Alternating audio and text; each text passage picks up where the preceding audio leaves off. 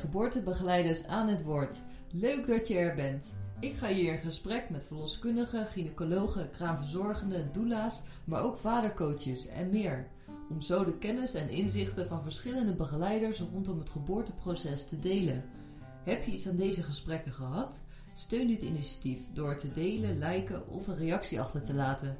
Meer interviews vind je op geboortebegeleidersaanhetwoord.nl. Ik ben Sabine van Onselen, jouw host tijdens de interviews.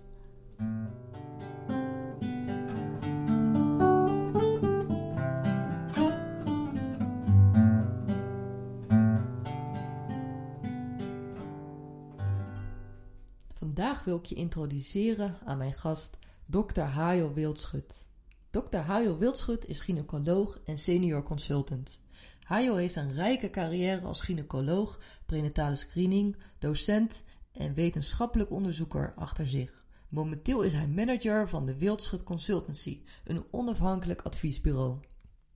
In 1982 is Dr. Hajo Wildschut als gynaecoloog afgestudeerd aan Universiteit van Amsterdam.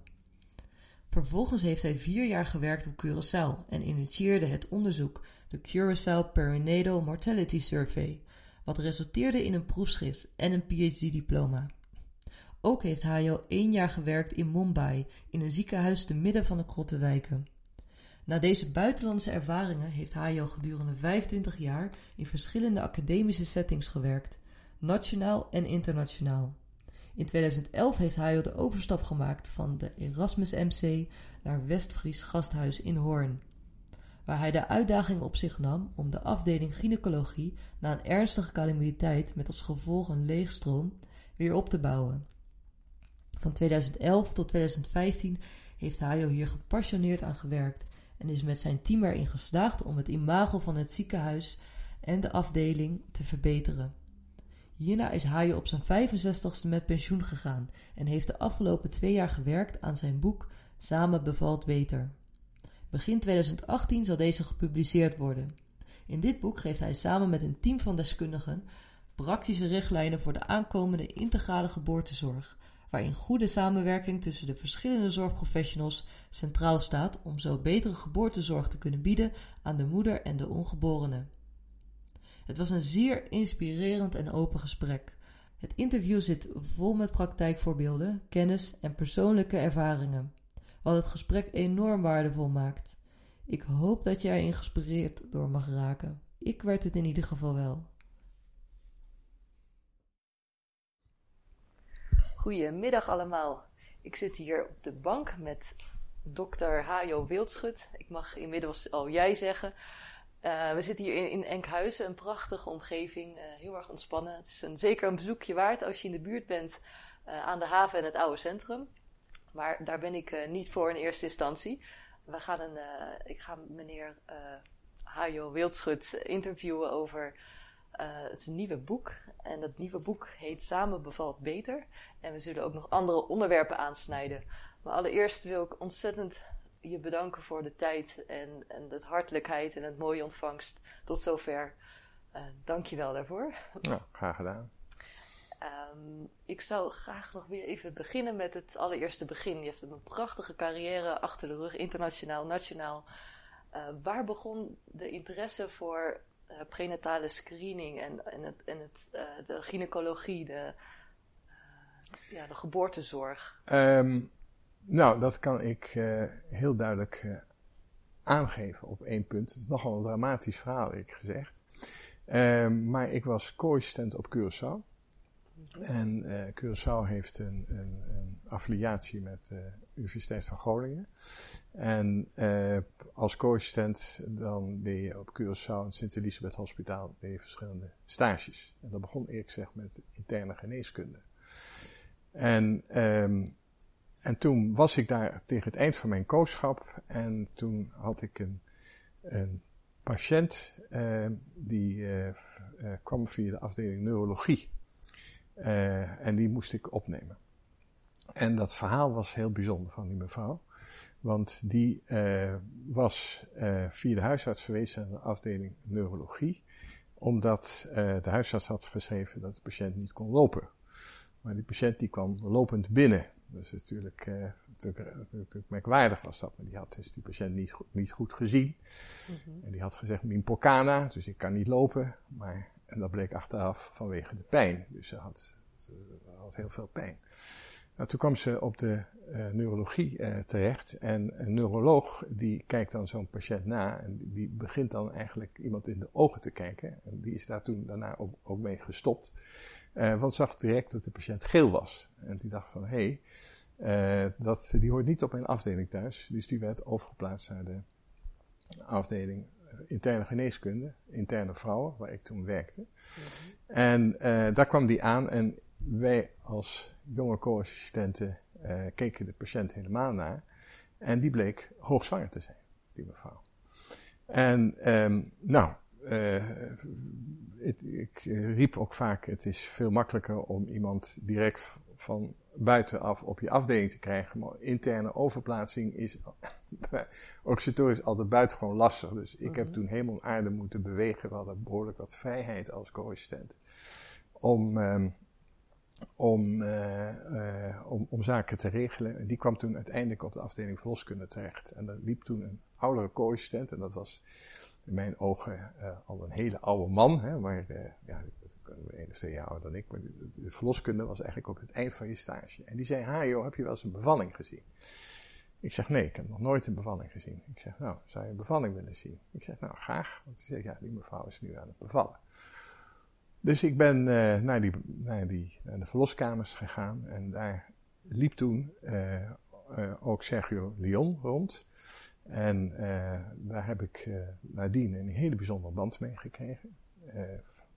om een heel lang verhaal kort te maken met mijn proefschrift heb ik aan hem opgedragen om even aan te geven hoe enorm een waardering ik voor deze man had. En die heb ik toen een bevalling zien doen en dat was via een vacuumcup. Dus dat was niet, een, niet zozeer een natuurlijke bevalling.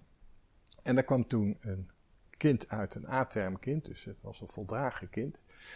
Maar tot mijn verschrikking en ontzetting leefde dat kind niet. Het kind was overleden. En uh, nou, dat, dat, dat greep mij aan. Als ik het uh, vertel, grijpt het me nog steeds aan, eerlijk gezegd. En, en um, um, uh, ik had ook met die moeder te doen. dus, um, nou, zo'n zo bevalling is, is, is dan voorbij, patiënt is geboren, et cetera, en iedereen gaat weer naar, naar zijn werk. En de dag, erop dacht ik, nou, ik ga even langs om te kijken hoe ze het maakt, want het was, was toch wel, uh, was toch wel, wel, wel naar. En toen bleek ze op de intensive care te liggen. Dus, uh, dat was, uh, nou, dus ik naar de intensive care. En daar lag ze allemaal aan toeters en bellen, bleek ze heel ernstig ziek te zijn. En om lang verhaal kort te maken, zij overleed ook drie dagen later. En um, nou, dat heeft een enorme indruk op mij gemaakt. Um, uh, dat je allereerste bevalling die je in je, je leven meemaakt, uh, dat dat uh, een, een perinatale sterfte is, een doodgeboorte en een, en een maternale sterfte, dat, ja, dat greep me enorm aan. Nou, wat natuurlijk interessant is, los even van de emoties die eraan zitten, hoe komt dit? Wat is hier aan de hand? Nou, deze mevrouw, die bleek een specifieke uh, ziekte te hebben die specifiek is voor, uh, voor een negroïde ras. En dat is sikkelcelziekte. En zij had een dubbel dragerschap sikkelcel, SC. En dat betekent dat zij eigenlijk buiten de zwangerschap totaal geen last had van, van die ziekte. Maar die ziekte wordt gekenmerkt door af en toe een crisis. En dan gaan die celletjes gaan sikkelen. En doordat die bloedcelletjes gaan sikkelen, wordt de zuurstofvoorziening door de placenta bemoeilijkt. En is dat waarschijnlijk de reden dat dat kind toen is overleden. Uh, daarom was ze ook geel, want geel is, is, uh, is, is, is, is bilirubine, en dat is een afbraakproduct van bloed. Waarom had ze pijn? Dat was dat ze botpijn had. Een sikkelcelcrisis wordt vaak gekenmerkt door hevige botpijnen. Nou, toen is zij uh, de, overleden. En dan is ook, ook de vraag van, ja, hoe komt zij dan daaraan te, overlijden? Nou, dat is uh, waarschijnlijk een, uh, of dat is zeker geweest. Want dat weet ik ook nog wel. Ik, weet, ik heb nog heel erg levendig dat beeld ja. voor ogen. En dat was een Van Leeuwen, patholoog-anatoom. En ehm, die zei, die, die mevrouw is aan een vetembolie overleden. En als patholoog-anatoom vind je dat niet zomaar uh, als je er niet aan denkt, maar dan moet je een speciale kleuring toepassen. Dat heb ik ook heel vaak in allerlei colleges gezegd, dat is de Sudan roodkleuring. En dan kleuren die longen totaal rood. Dus uh, die, doordat die botinfarcten er waren waarvan ze zoveel pijn had, komen die uh, vetpartikeltjes komen in de bloedbaan en die gaan vastzitten in, in, in de longen. En daar is die vrouw uiteindelijk aan overleden. Ja.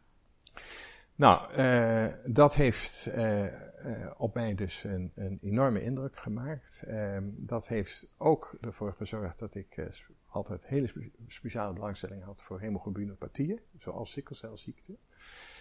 En ehm, ik kwam uiteindelijk anderhalf jaar later zelf als co-assistent op die afdeling terecht. En daar had ik toen het geluk dat daar een toen hele aardige um, artsassistent uh, verloskunde gynaecologie zat, uh, die bijna gynaecoloog was. Die was in het kader van zijn opleiding ook naar de Antillen gestuurd, Toon de Vriezen.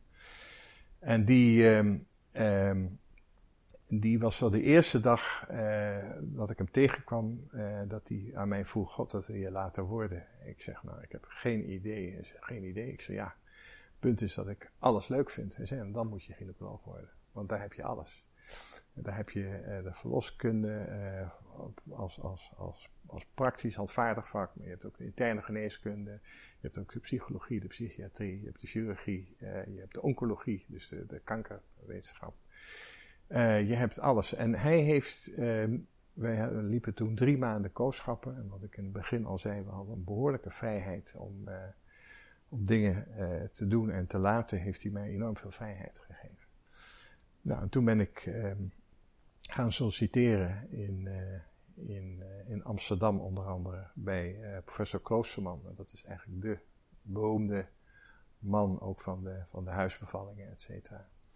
En die, ehm, die zei toen, was ook wel heel mooi, was dat, die zei nou, ik neem je een opleiding, maar je hebt drie jaar wachttijd. En in die drie jaar mag je alles doen behalve de gynaecologie verloskunde. Ik zei, oh, dat is interessant dat hij dat zegt. Waarom niet? Hij zegt, nou, dan moet je alles weer afleren wat je daar zoveel moeite hebt aangeleerd. Ik vind eigenlijk veel mooier als je iets doet wat buiten het vakgebied is, want dan breng je dat in. Interessant. Nou, dat vond ik ook een hele interessante uh, visie. Uh, dat liet eigenlijk twee dingen zien. Eén was, uh, en dat, dat, daar zijn we nu totaal vanaf, maar dat vroeger, dit was echt leermeester-gezelverhouding. Dat, de, de leermeester had alle kennis en zo was het en zo is het. En daar moest je niet aan tornen. En iedereen had zo zijn leerschool.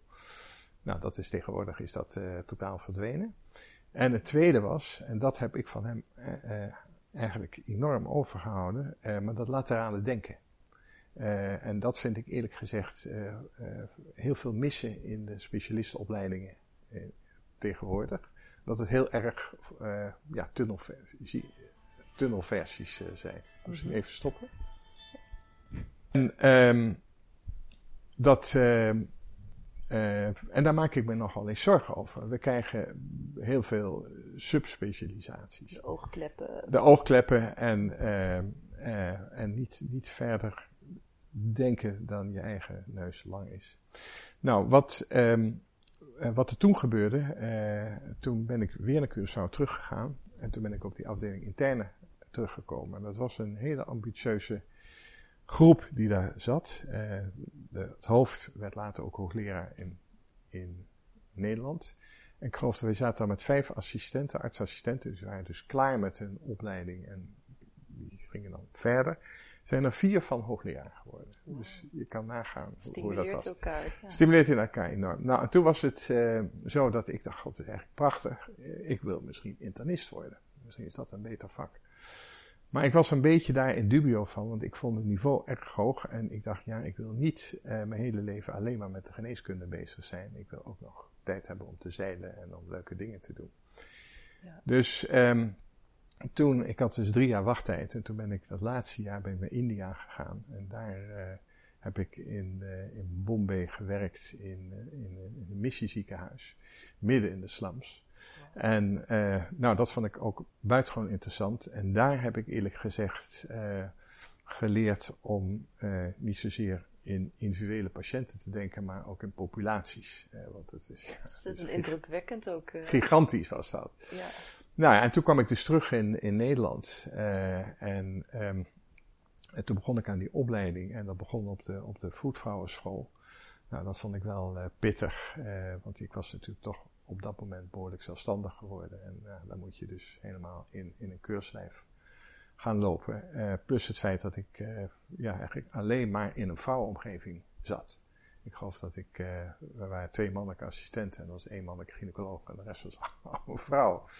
En dat had ik me ik zeg toen niet helemaal gerealiseerd, uh, omdat je als gynaecoloog wel met vrouwen werkt, maar toen me eigenlijk niet realiseerde dat mijn collega uh, vrouw zijn. En dat is eerlijk gezegd in, in de loop der jaren is dat alleen maar toegenomen. Nu, nu zaten wij, laatst dat ik in Hoorn zat, met negen gynaecologen. En er waren twee mannen en zeven vrouwen. Dus het, die tijden zijn dus eh, eigenlijk uh, volstrekt veranderd. Maar goed, met dit, met dit laterale denken en die interne geneeskunde is toen mijn, mijn belangstelling voor het vakgebied uh, vooral gericht op het deelgebied verloskunde en prenatale screening, zoals je noemde. ons vakgebied bestaat eigenlijk uit drie tot vier grote deelgebieden. Dat is, één is dus verloskunde prenatale. Uh, de tweede is uh, de, uh, de, oncologie, dus kanker, dus echte gynaecologie. Daar zit ook de goedaardige behandeling van verzakkingen, et cetera. Dus, dat is de tweede grote groep. En de derde groep is de fertiliteit. En dat heeft natuurlijk ook enorme sprongen gemaakt. Maar mijn aandachtgebied is eigenlijk altijd de verloskunde. verloskunde en, um, en de perinatologie geweest, dus alles wat rond de geboorte had. Mm -hmm. En waarom die keuze speciaal? Nou, die keuze was eigenlijk dus een, een logische voortzetting van mijn carrière. Uh, omdat ik twee jaar interne had gedaan. Uh, ja, wat, wat, wat heel erg uh, zich bezighoudt met hoge bloeddruk, suikerziekte, et cetera. Allerlei ja, chronische aandoeningen. En um, met de behandelingen die er tegenwoordig zijn, is de vooruitzichten van zwangere vrouwen die dit soort aandoeningen hebben, ook onder andere sikkelcel waar ik mee begon, is aanmerkelijk verbeterd. Uh, dus ik was heel erg geïnteresseerd in, in, in alles wat met chronische ziekte had te maken en zwangerschap. En, en, en, en, mm -hmm. en de speciale uh, ja, speciale focus daarop. Dus, en, dus die intense ervaring die u heeft meegemaakt in Curaçao, die heeft ja, eigenlijk is die slag, doorslaggevend geweest in uw pad. Uh, ja. Het lot eigenlijk wat in dat geval ja. Ja. de sturing gaf voor. Ja. Van, ja, ja. zoiets van daar wil ik wat aan doen. Of daar... Ja, nou ja, dat, dat, dat, dat integreert mij. Dat, uh, ja, ik merk dat ik vrouwen ook leuk vond. Um, vond ik prettiger als patiëntenpopulatie dan mannen. Kinderen ook. Uh, dus dus je, je moet ook een, een bepaalde affiniteit hebben tot, eh, tot, tot de groep waarmee je werkt. En die voelde ik heel sterk. Dus dat, en daar ben ik, die voel ik nog steeds. Dat is, dat, daar ben ik in de loop der ja. jaren niet in veranderd. Dus dat, dat, dat vond ik ook wel leuk. En dat het dus speciale verloskunde werd. Um, ja, dat heeft dus te maken met die, met die achtergrond van de in, interne. En daarnaast mijn India-ervaring had ook, uh, is ook heel bepalend geweest, omdat ik daar, wat ik net al zei, uh, niet zozeer in, uh, niet alleen in individuen dacht, maar ook in populaties. En toen ben ik eigenlijk grote belangstelling voor de epidemiologie gekregen. En de epidemiologie, dat is eigenlijk, was mijn subspecialisatie. Dus dat is eigenlijk mijn ding, om, om maar zo te zeggen.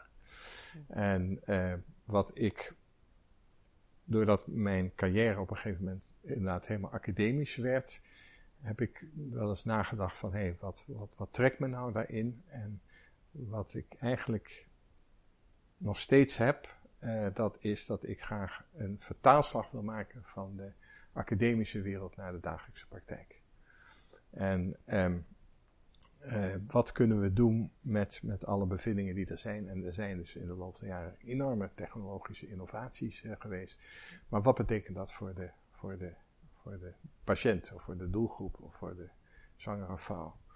En, uh, en dat heb ik nooit romantisch bezien, maar dat heb ik altijd kritisch naar gekeken. Omdat ik vind ehm, dat soms de technologische ontwikkelingen veel harder gaan dan, dan de, de, wens bij de doelgroep is. Dus de, uh, ik had een, mijn vorige baas in Rotterdam, die zei dat zijn wetenschappelijk onderzoek technology driven was. En daar bedoelde hij mee dat er dan een nieuwe technologie was en dan zocht hij een groep voor waar hij die technologie kon toepassen. En dat is iets anders dan dat je kijkt waar een vraag is en wat dan het antwoord daarop uh, op zou zijn. -hmm. Met prenatale screening kan het behoorlijke effecten hebben psychologisch en, en hoe je verder de zwangerschap ingaat. Uh, Bijvoorbeeld, wat, wat, u zegt van de, er is, daar is kennis, uh, je kunt heel veel weten, maar wil je het ook weten? Wil je het ook weten? Nou ja, dat is nou precies het, het aandachtsgebied wat ik uh, heel erg interessant vind. en um, ik kijk daar kritisch naar en dat betekent niet dat ik zaken afwijs of dat ik technologie dat ik daar tegen ben. Ik ben, ik ben er juist voor. Maar dat ik wel belangrijk vind dat je mensen goed informeert wat die technologie nou feitelijk betekent. En er zitten soms zoveel belangen, commerciële belangen achter technologische innovaties, dat men totaal voorbij gaat aan, aan feitelijk wat de cliënt of de klant of hoe je het gewoon mag nemen, eigenlijk nou zelf van vindt. En uh, nou, wij leven gelukkig in een land uh, waar dit heel goed on onderkend wordt. We hebben zelfs een wet daarvoor. Dat is uh, Wet op Bevolkingsonderzoek. En ik ben een van de weinige Nederlanders, denk ik, die groot voorstander is van deze wet. Want de intentie van die wet is om mensen te beschermen tegen ongevraagd medisch aanbod, medisch technologisch aanbod. En um, en uh, het goede van die wet is dat ze wel open staat voor argumenten als, het, als dat aanbod uh, nuttig, van, nut is. Je moet uiteraard niet uh, medicatie of behandelingen onthouden aan, aan mensen um, als, als, als, als dat voor hun van nut zou kunnen zijn. Maar je moet dat wel beargumenteren. En vaak zie je dat um, de introductie van nieuwe middelen of van, of van nieuwe uh, technieken, ehm, eh, de argumenten om, om aan te tonen dat dat nuttig is, vaak niet goed onderbouwd zijn. En deze wet dwingt tot onderbouwing. En dat vind ik eerlijk gezegd alleen maar goed. En ik heb dan ook inderdaad een paar keer bezig gehouden met vergunning aanvragen, onder andere voor prenatale screening. Uh, waar wij probeerden ook heel duidelijk te onderbouwen van nou, wat nou, wat nou de toegevoegde waarde was van zo'n test.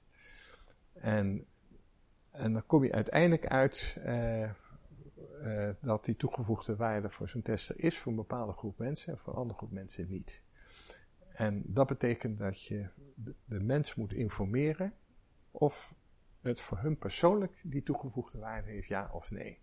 En op grond daarvan hunzelf de keuze te laten maken of ze wel of niet willen ingaan op dat screeningsaanbod, op die test, op, uh, op, op, op, dat soort zaken. Zou je een voorbeeld kunnen noemen? Um, nou, een voorbeeld is, uh, uh, wil je begin van de zwangerschap je laten testen op Down-syndroom, ja of nee? Je hebt, uh, iedere uh, vrouw uh, heeft een kans op het krijgen van een kind met, een, met het syndroom van Down, of de trisomie 21. voorheen was dat, werd die test uitsluitend aangeboden aan vrouwen van 36 jaar en ouder. En dat had te maken met het feit dat met de toename van de leeftijd de kans op Down syndroom ook, ook toeneemt. Um, en um, maar er zijn dus uh, grote ontwikkelingen, technologische ontwikkelingen geweest op dat gebied. Uh, aanvankelijk was het een vruchtwaterpunctie. En dan kon je dus de informatie krijgen via een vruchtwaterpunctie. Maar het nadeel van de vruchtwaterpunctie was dat er een klein risico op een miskraam bij zat. Nou, daar moet je denk ik mensen dan over informeren. Wat vinden ze nou belangrijk. Hoe wegen ze dat risico? Wat zijn risico's? Nou, dat is heel, heel lastig. Ja. En uh, inmiddels uh, kunnen we het gewoon uit het bloed uh, bepalen. dat heet dan de NIPT-test. En um, ook daarbij geldt dat mensen dus die informatie krijgen. Maar in tegenstelling tot um, de uh, vruchtwaterpunctie of een vlokkentest zit daar geen risico aan, aan verbonden. Maar um, ja, dan kom je op een volgende stap terecht. Als je die informatie hebt, wat doe je daar, daar dan mee? Uh, en daar heb je ook weer twee richtingen. Uh, de ene zegt, nou, ik wil gewoon daar tijdig kennis van nemen, zodat ik me kan voorbereiden op een kind met, met een Down-syndroom. En de ander zegt, ja, ho, wacht even, maar dit wil ik niet. Ik wil graag die zwangerschap verwijderd hebben. Nou, dat zijn gewoon lastige ethische uh, dilemma's. En ik vind niet dat um, de overheid of ik als arts of uh, iemand anders, een psycholoog of zo, kan zeggen wat voor jou goed is. Mm -hmm. ik denk dat het in dit geval belangrijk is dat wij de mensen waar het om gaat, in dit geval dan zwangere vrouwen, die informatie geven. En hun dan wel helpen om te kijken hoe je dan wat je met die informatie doet en wat het dan betekent. Maar zodanig dat ze dus zelf uiteindelijk die beslissing kunnen nemen. Ja, want een uh, goede vriendin van mij, ook de zus is van, uh, van mijn vriend, die uh, heeft in dat traject gezeten. zij was zwanger en het kind had klompvoetjes. En ze heeft ook een vruchtwaterpunctietest gedaan. En daar bleek uit dat ook de, het, wat was nog niet volgroeid, zeg maar, de, hoe ik het wel goed zeggen, de, de ruggenmerg en de, de stam ja, ja daarin.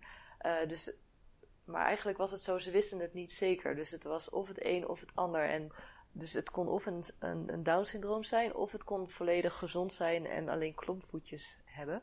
Uh, dus dat was ontzettend moeilijk om een beslissing te maken op iets wat nog, nog niet 100% zeker is, het een of het andere.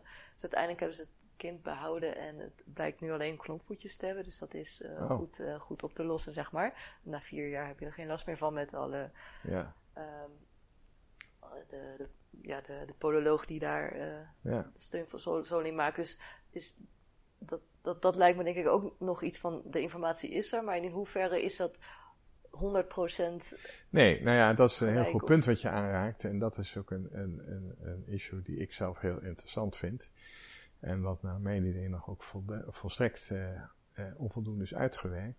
Maar wij wij leven in een maatschappij waarvan we het idee hebben dat alles maakbaar moet kunnen zijn. Of, hè, dat, dat, dat alles gericht moet kunnen worden. Als iets niet goed is, dan, nou, dan, dan gaan we erover klagen en dan, dan is dat zo. Maar het voorbeeld wat jij aangeeft, en dat zie ik dus ook heel, heel vaak, zit er altijd een grote mate van onzekerheid zit daarbij. En wat ik altijd ook tegen zwangere vrouwen zeg, ik kan je geen enkele garantie op gezondheid geven. Wat is überhaupt gezondheid? Hè? Dat is, ja, uh, dan een grap maak, zeg nou, het zou best dus een ettertje kunnen wezen. Hè? Dus uh, dat, dat weet je niet. Maar um, uh, ik denk dat het ook goed is uh, dat wij leren om te gaan met onzekerheid. En, en, en dat geldt zowel voor de zorgprofessionals als voor, voor, je, voor je doelgroep. Um, want in, wezen wordt er haast verlangt dat je die zekerheid geeft, terwijl je die zekerheid niet kan geven. En dat komt ook omdat zorgprofessionals de indruk wekken dat ze die zekerheid wel hebben. En, en, en dan wordt op een gegeven moment met allerlei uh, armslagen en, en uh, uh, ja, omwegen wordt er dan uitleg gegeven over wat, wat er aan de hand is. En wat je dus dan soms ziet, is dat mensen dan um, de arts niet meer vertrouwen omdat ze eh, denken van, god, die houdt informatie achter. Of er, er ontstaat dus een, een, kan dus een, een, breuk staan in, in, in communicatie daarover. En, uh, en dat vind ik jammer. En ik denk dat dat te voorkomen valt als je van tevoren al aangeeft dat er dus op dit terrein nooit zekerheden zullen zijn. En dat je dus als je ook hier instapt, um, in dat hele traject, um, dat je op een paar vragen wel een antwoord krijgt, maar dat je weer nieuwe onzekerheden erbij krijgt. Nou, dat, dat, dat, die omgang met, met onzekerheid, uh, dat vind ik uh, heel fascinerend. En het, het valt mij op dat daar eigenlijk vrijwel nergens aandacht aan wordt gegeven. het, het wordt heel erg, hè, nu ook communicatie, informatieoverdracht gaat heel erg over feitelijkheden, maar zelden over kansen. En ja, en wij, wij zijn echt een gamma-wetenschap. Wij, wij, wij, het, is, niks is zeker. Ja. wie zei het ook weer, niets is helemaal waar en zelfs dat niet.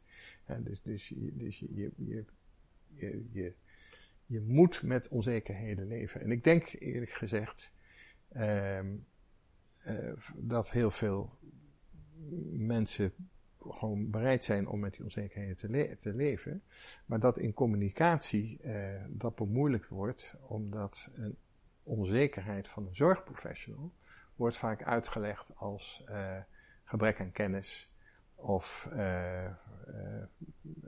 slapte of, of, of noem wat op. Terwijl het in wezen een, getuigt van een hele, heel sterk, heel sterk, optreden. Ja. ja durven toegeven van dit, weet, dit weet ik en dit weet ik allemaal niet. Ja. En, ja.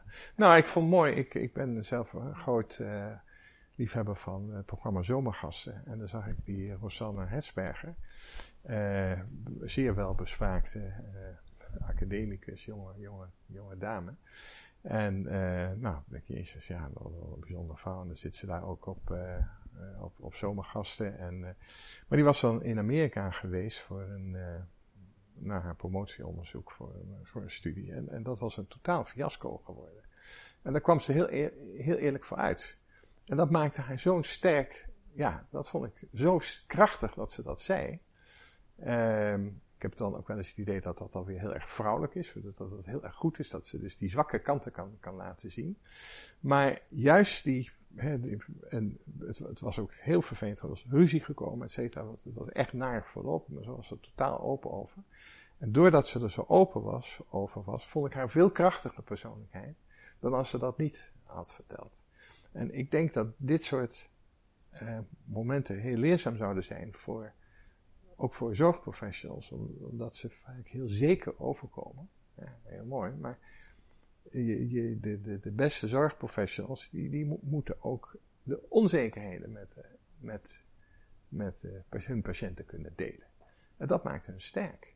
Ja. Dat is... Uh, lijkt me ook een heel leertraject. Is dat, heeft u dat zelf ook, heb je dat zelf ook ervaren? Ja, nee, dat, dat geef ik toe. En dat krijg ik natuurlijk ook vaak voor mijn voeten geworpen als ik dit heel zeg. Heel mooi trouwens hoor. Ja, nee, uh, maar dat, nee, maar dat is, dat, is het, het, dat is terecht. Um, en um, uh, hoe, hoe, kom je daar? Nou, ik denk ook uh, dat je daardoor komt. We hebben tegenwoordig een maatschappij die redelijk open is. Dus als je net begint, um, dat je dan dat ook toegeeft. En ik herinner me, dat, dat, dat is dus ook wel enorm veranderd. Hè. Ik, ik denk ook niet dat mensen verwachten dat je alle kennis paraat, paraat hebt staan. Dat, dat, dat wordt ook niet meer uh, verlangd van, uh, van, van artsen. Um, dus um, om even een voorbeeld te geven, toen ik mijn allereerste assistentschappen deed, dat was op de, ook op Curaçao. En dat was een, had ik een paar maanden over en toen was ik, een jonge arts speelde ik toen, tussen aanhalingstekens, uh, op de afdeling kindergeneeskunde. En dan draaide ik poli. En ja, jezus, je wist helemaal niks. Hè. Bedoel, er kwamen allemaal kinderen aan. En dan, en dan had je dus uh, stiekem dat je met boekjes uh, keek voordat iemand binnenkwam. Of je, of je, of je, um, of je, je, je vroeg alles aan de hoofdzuster. Die, ja, die er al jaren rondliep. Van hoe doen ze dat, et cetera. Voordat je naar die patiënt ging. Nou, en dat is nu totaal veranderd. Uh, want uh, ik zou sieren voor mensen als ze zeggen: Goh, ik kom nu met een probleem. Ik weet dat niet. Ik moet dat voor u uitzoeken. En ik denk dat mensen dat uh, alleen maar waarderen. Ehm, en je hebt dus nu computers waar je dus ter plekke uit, uit kan zoeken. Ehm, maar ik denk dat mensen heel erg prettig vinden als je zorgvuldigheid in acht neemt. Je hoeft niet stand P uh, hoef, je, hoef je niet je antwoord klaar te hebben. En mag je ook zeggen van nou, dat vind ik een ingewikkeld probleem. Of ik heb het ik zeg nog nooit meegemaakt. Ik wil dat graag nog even overleggen. En, um, uh, uh, en, en dat, hè, dus dat je, um, laat ik zeggen, dat je dingen niet weet. Dat je dat voor je houdt omdat je bang bent dat je dan beoordeeld wordt als iemand die niet competent is. Uh, dat idee moet je laten varen. En moet je proberen om te zetten in een idee van nou, ik ben wel competent in het zoeken naar informatie. Daar, daar is nu ook de medische opleiding uh, op, op, op, gericht. Maar ik heb het niet paraat. Ik weet het wel te vinden. En wat is daarvoor nodig? Um, wat daarvoor nodig is, um, is, um, is dat je uh, ja, is eigenlijk een cultuuromslag. Uh, en uh, dat, dat het een, een, een, geaccepteerd, een, geaccepteerd feit is. Wat nu uh, veel meer gebeurt, dat was in mijn tijd niet, maar dat zijn zogenaamde intervisies. dat je dus met je groep samen bespreekt van hé, hey, waar liep je tegenaan, wat, wat, wat, wat is er. En um, ik vind dit een, een, mooi onderwerp voor een intervisie. Van hey, hoe ga ik nou om met, uh, met, uh, met uh, een, een, een kennisterrein waar eigenlijk mijn kennis nog onvoldoende is en waar ik in een, in een leerproces zit. En um, wat je, nou waar ik me het verleden ook wel eens op betrapt heb, hè, dat ik dan zei van, uh, nou, uh, tegen een jonge collega, nou, doe zelf maar een gesprek. En dan, uh, als je er niet uitkomt, dan, dan, dan help ik je wel. En dan viel je op dat je er totaal niet uitkwam. En dan sprong je al direct in. Nou, dat is natuurlijk verkeerd. Hè? Dus dat, dat moet je niet doen. En je moet mensen echt laten, echt laten zwemmen dan. Maar biedt ze wel veiligheid. en reken ze daar niet op af. En, ehm, en dan krijg je dus veel meer niet zozeer dat je het accent legt op de inhoudelijke, vakinhoudelijke kant van informatieoverdracht, maar dat het accent ligt op de bejegening en op de communicatie. En, um, en dan is het zo dat als er dus bepaalde punten zijn waar het inhoudelijk niet klopt, of waar, ze niet uitkomen, dat je dan inderdaad zegt, oh wacht even, ja, dit is nou precies een punt wat lastig is, ze zo zitten. Mhm. Dus ik, ik denk dat daar dus een, een cultuuromslag is. Ik moet eerlijkheidshalve wel toegeven dat ik het idee heb dat die cultuuromslag wel gaande is. dus een tegenstelling wat ik net zei van omgaan met onzekerheid, eh, dat dat eigenlijk nog nauwelijks een issue is, maar is de cultuuromslag van het niet weten, dat is iets anders dan onzekerheid, want je weet het gewoon niet. Uh, en, en hoe je daar uh, mee omgaat en het accent op, op bejegening. Uh, dat merk ik dat dat wel uh, aanmerkelijk verbeterd is de laatste jaren. Ja. Mm -hmm. en u bent uh, bezig met een boek te publiceren, wat ik in het begin aan het interview aankondigd. De integrale geboortezorg gaat het over, waar u zich hard voor maakt. Wilt u daar wat over vertellen? En daar is denk ik dit ook wel aan gelinkt waar we het nu net over hebben gehad. Over ja, nou ja, dat, dat is in, in zekere zin wel. Um, um, Intervisies. Ja, ja het idee is, uh, is, uh, is eigenlijk uh, ontstaan nadat ik met pensioen ben gegaan. ik ben twee jaar geleden met pensioen gegaan en dat, ja, dat, dat, is natuurlijk geen geheim, maar dat is natuurlijk een enorme overgang als je met veel enthousiasme hebt gewerkt in een, in een, in een kliniek. Uh, en dan plotseling uh, is dat voorbij. Uh, ja, dat is wel even, even slikken. En dan heb je, ik voelde me een soort, soms een soort overjarige puber die allemaal goed bedoelde adviezen kreeg. Waarvan je denkt, ja jongens, maar jullie begrijpen er totaal niks van. Het zijn vooral mensen die dan over het Zwitser levengevoel begonnen. En denk, nou ja, die weten niet waar je het over hebt. Nou, wat was een van de kernpunten van, wat, wat ik voelde in, in, dat, in die hele overgang, dat was uh, dat um, alle ervaring en kennis die ik in de loop der jaren heb opgebouwd, dat het feitelijk door één pennenstreek, namelijk je pensioen, dat dat weg was en voorbij. Ik dacht, daar moet ik iets mee. Nou, en toen heb ik daarover nagedacht van wat, wat, wat kan ik daar dan mee? Um, en um, uh, daar heb ik ook uh, bedacht van, nou, ik moet ook mensen niet in de weg lopen. Want je bent op een gegeven moment voorbij de 65.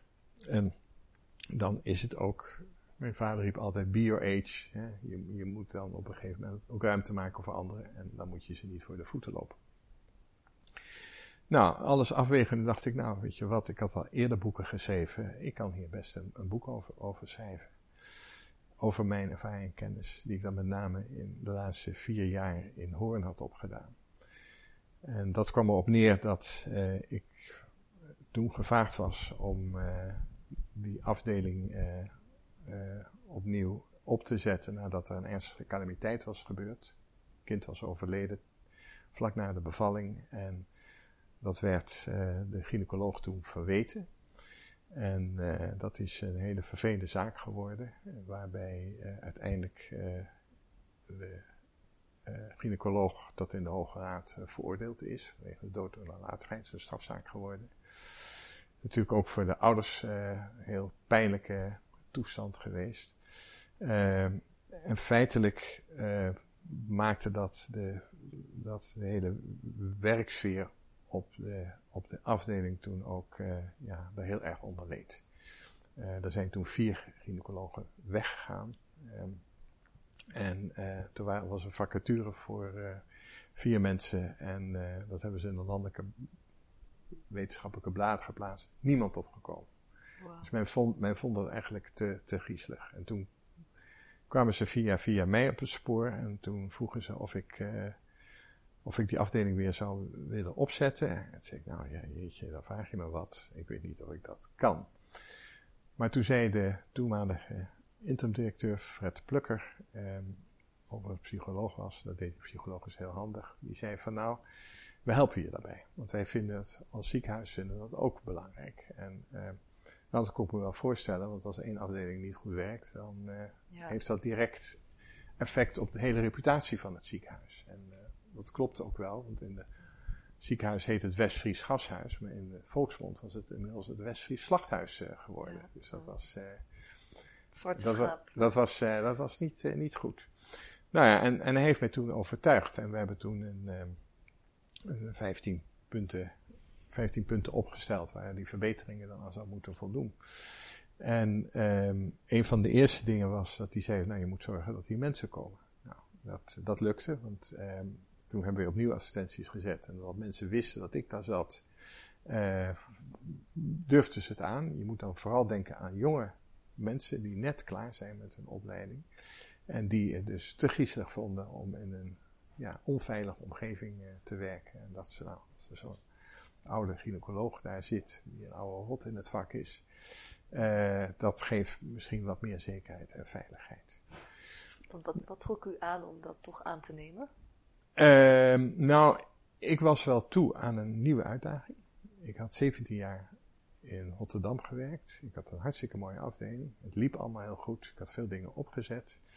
Uh, maar ik wilde niet uh, wat mijn opleider uh, Kloosterman zei: Old soldiers never die, they just fade away.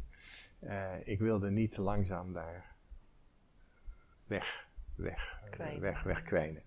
En uh, of dat mensen achter je rug om zouden zeggen, god, wanneer wordt het, uh, het wordt wel eens tijd dat je weggaat. Het is wel heel grappig, dat ga jij op een gegeven moment ook krijgen, maar op een gegeven moment gebeurt er ooit in je leven dat iemand tegen jou zegt, hoe lang moet je nog? Alsof het moeten is. Ja. Maar het, het geeft ook aan van, nou, jij wordt nu wel oud, dus ik durf jou die vraag wel te stellen. Hoe lang moet je nog? dat is een dodelijke ja. vraag. En um, nou, dat, dat was voor mij niet zo.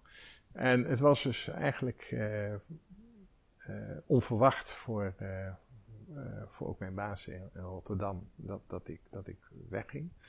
Ik had toen ook een boek geschreven. Ik had een sabbatical genomen, een half jaar. En ik heb in dat half jaar een boek geschreven waarin ik toen ook alle ervaringen die ik had opgedaan op, de, op het gebied van prenatale screening en prenatale diagnostiek heb ik toen in een boek neergezet. De en, en neotale en neotale screening op aangeboren afwijkingen in 2011. Ja, 11, ja. ja. Maar dat was toen net uitgekomen.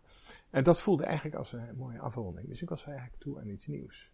En toen mhm. kwam dit, dit op mijn pad. En um, een ander ding wat mij ook hielp, uh, was, het was, uh, het was zo slecht. Ik dacht, nou, veel slechter kan ik het niet maken. Dus ik kan het allicht alleen maar verbeteren. Dat is een mooie insteek. Om... dus dat was, ja. dat was ook wel een mooie. Maar, maar goed, het was natuurlijk toch wel een pittige klus. En um, wat toen enorm geholpen heeft, en daar was ik zijdelings ook bij betrokken. Maar ehm, er was, in die tijd was er media-ophef over de relatief hoge kindersterfte of perinatale babysterfte in, in Nederland. Allerlei onderzoek was gepubliceerd en um, daarin bleek dat Nederland echt slecht afstak eh, tegenover de, ons omringende landen. We waren het slechtst notabene, dus echt, was echt heel slecht. Um, en uh, als we in Nederland een probleem hebben, dan hebben we er altijd een mooie oplossing voor, want wij stellen dan een commissie in. En um, ik heb inmiddels heel veel commissierapporten gelezen. En één ding moet ik zeggen, en ik hoorde dat toevallig laatst op de radio ook. En dat was een huisarts die mij daarin steunde.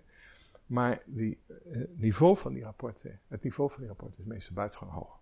Dus ze, ze, op een of andere manier is er een soort ijver onder Nederlandse uh, experts um, om dan een heel goed rapport neer te zetten. En, en, dat ze dat daarvoor over hebben. Dat, dat, dat is heel erg goed. Nou, ik was zijdelings ook betrokken bij deze commissie. Die heet Commissie Zwangerschap en Geboorte. En die hebben een rapport uitgebracht. En dat heette Een Goed Begin. Onder leiding van professor Koos van der Velde. En ik zat toen in een taakgroep, taakgroep achterstandswijken. En dat was dan met name om de kwetsbare groep zwangeren, om te kijken wat we daarmee mee, mee konden, konden doen.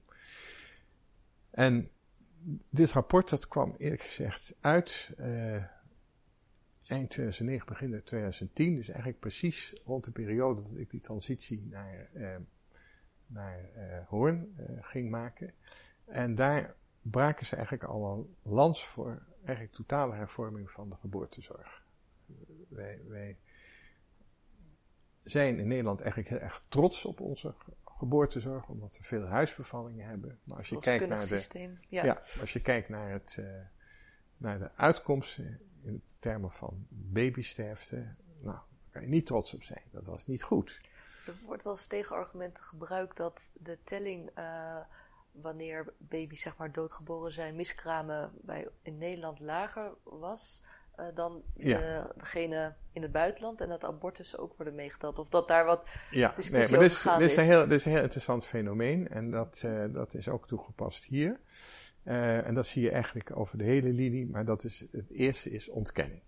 He, dus als, als dat is prachtig door Solzhenitsyn ook beschreven, een kankerpaviljoen hebt, hebt beschreven, dan komt zo'n vent op zo'n afdeling en dan vraagt iemand waar allemaal mensen met kanker liggen, Waar heb jij je kanker zitten? En dan zegt hij, ik heb geen kanker. Het is ontkenning.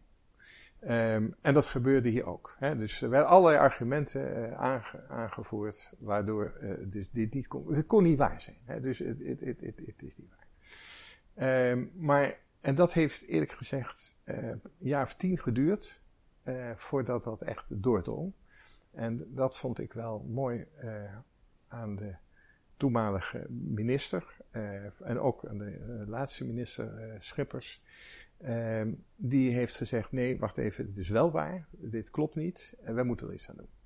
Ehm, want als je het ontkent, als je, als je een probleem ontkent, hoef je het niet op te lossen. En zo is het ook eigenlijk altijd gegaan. Dus, dus dat...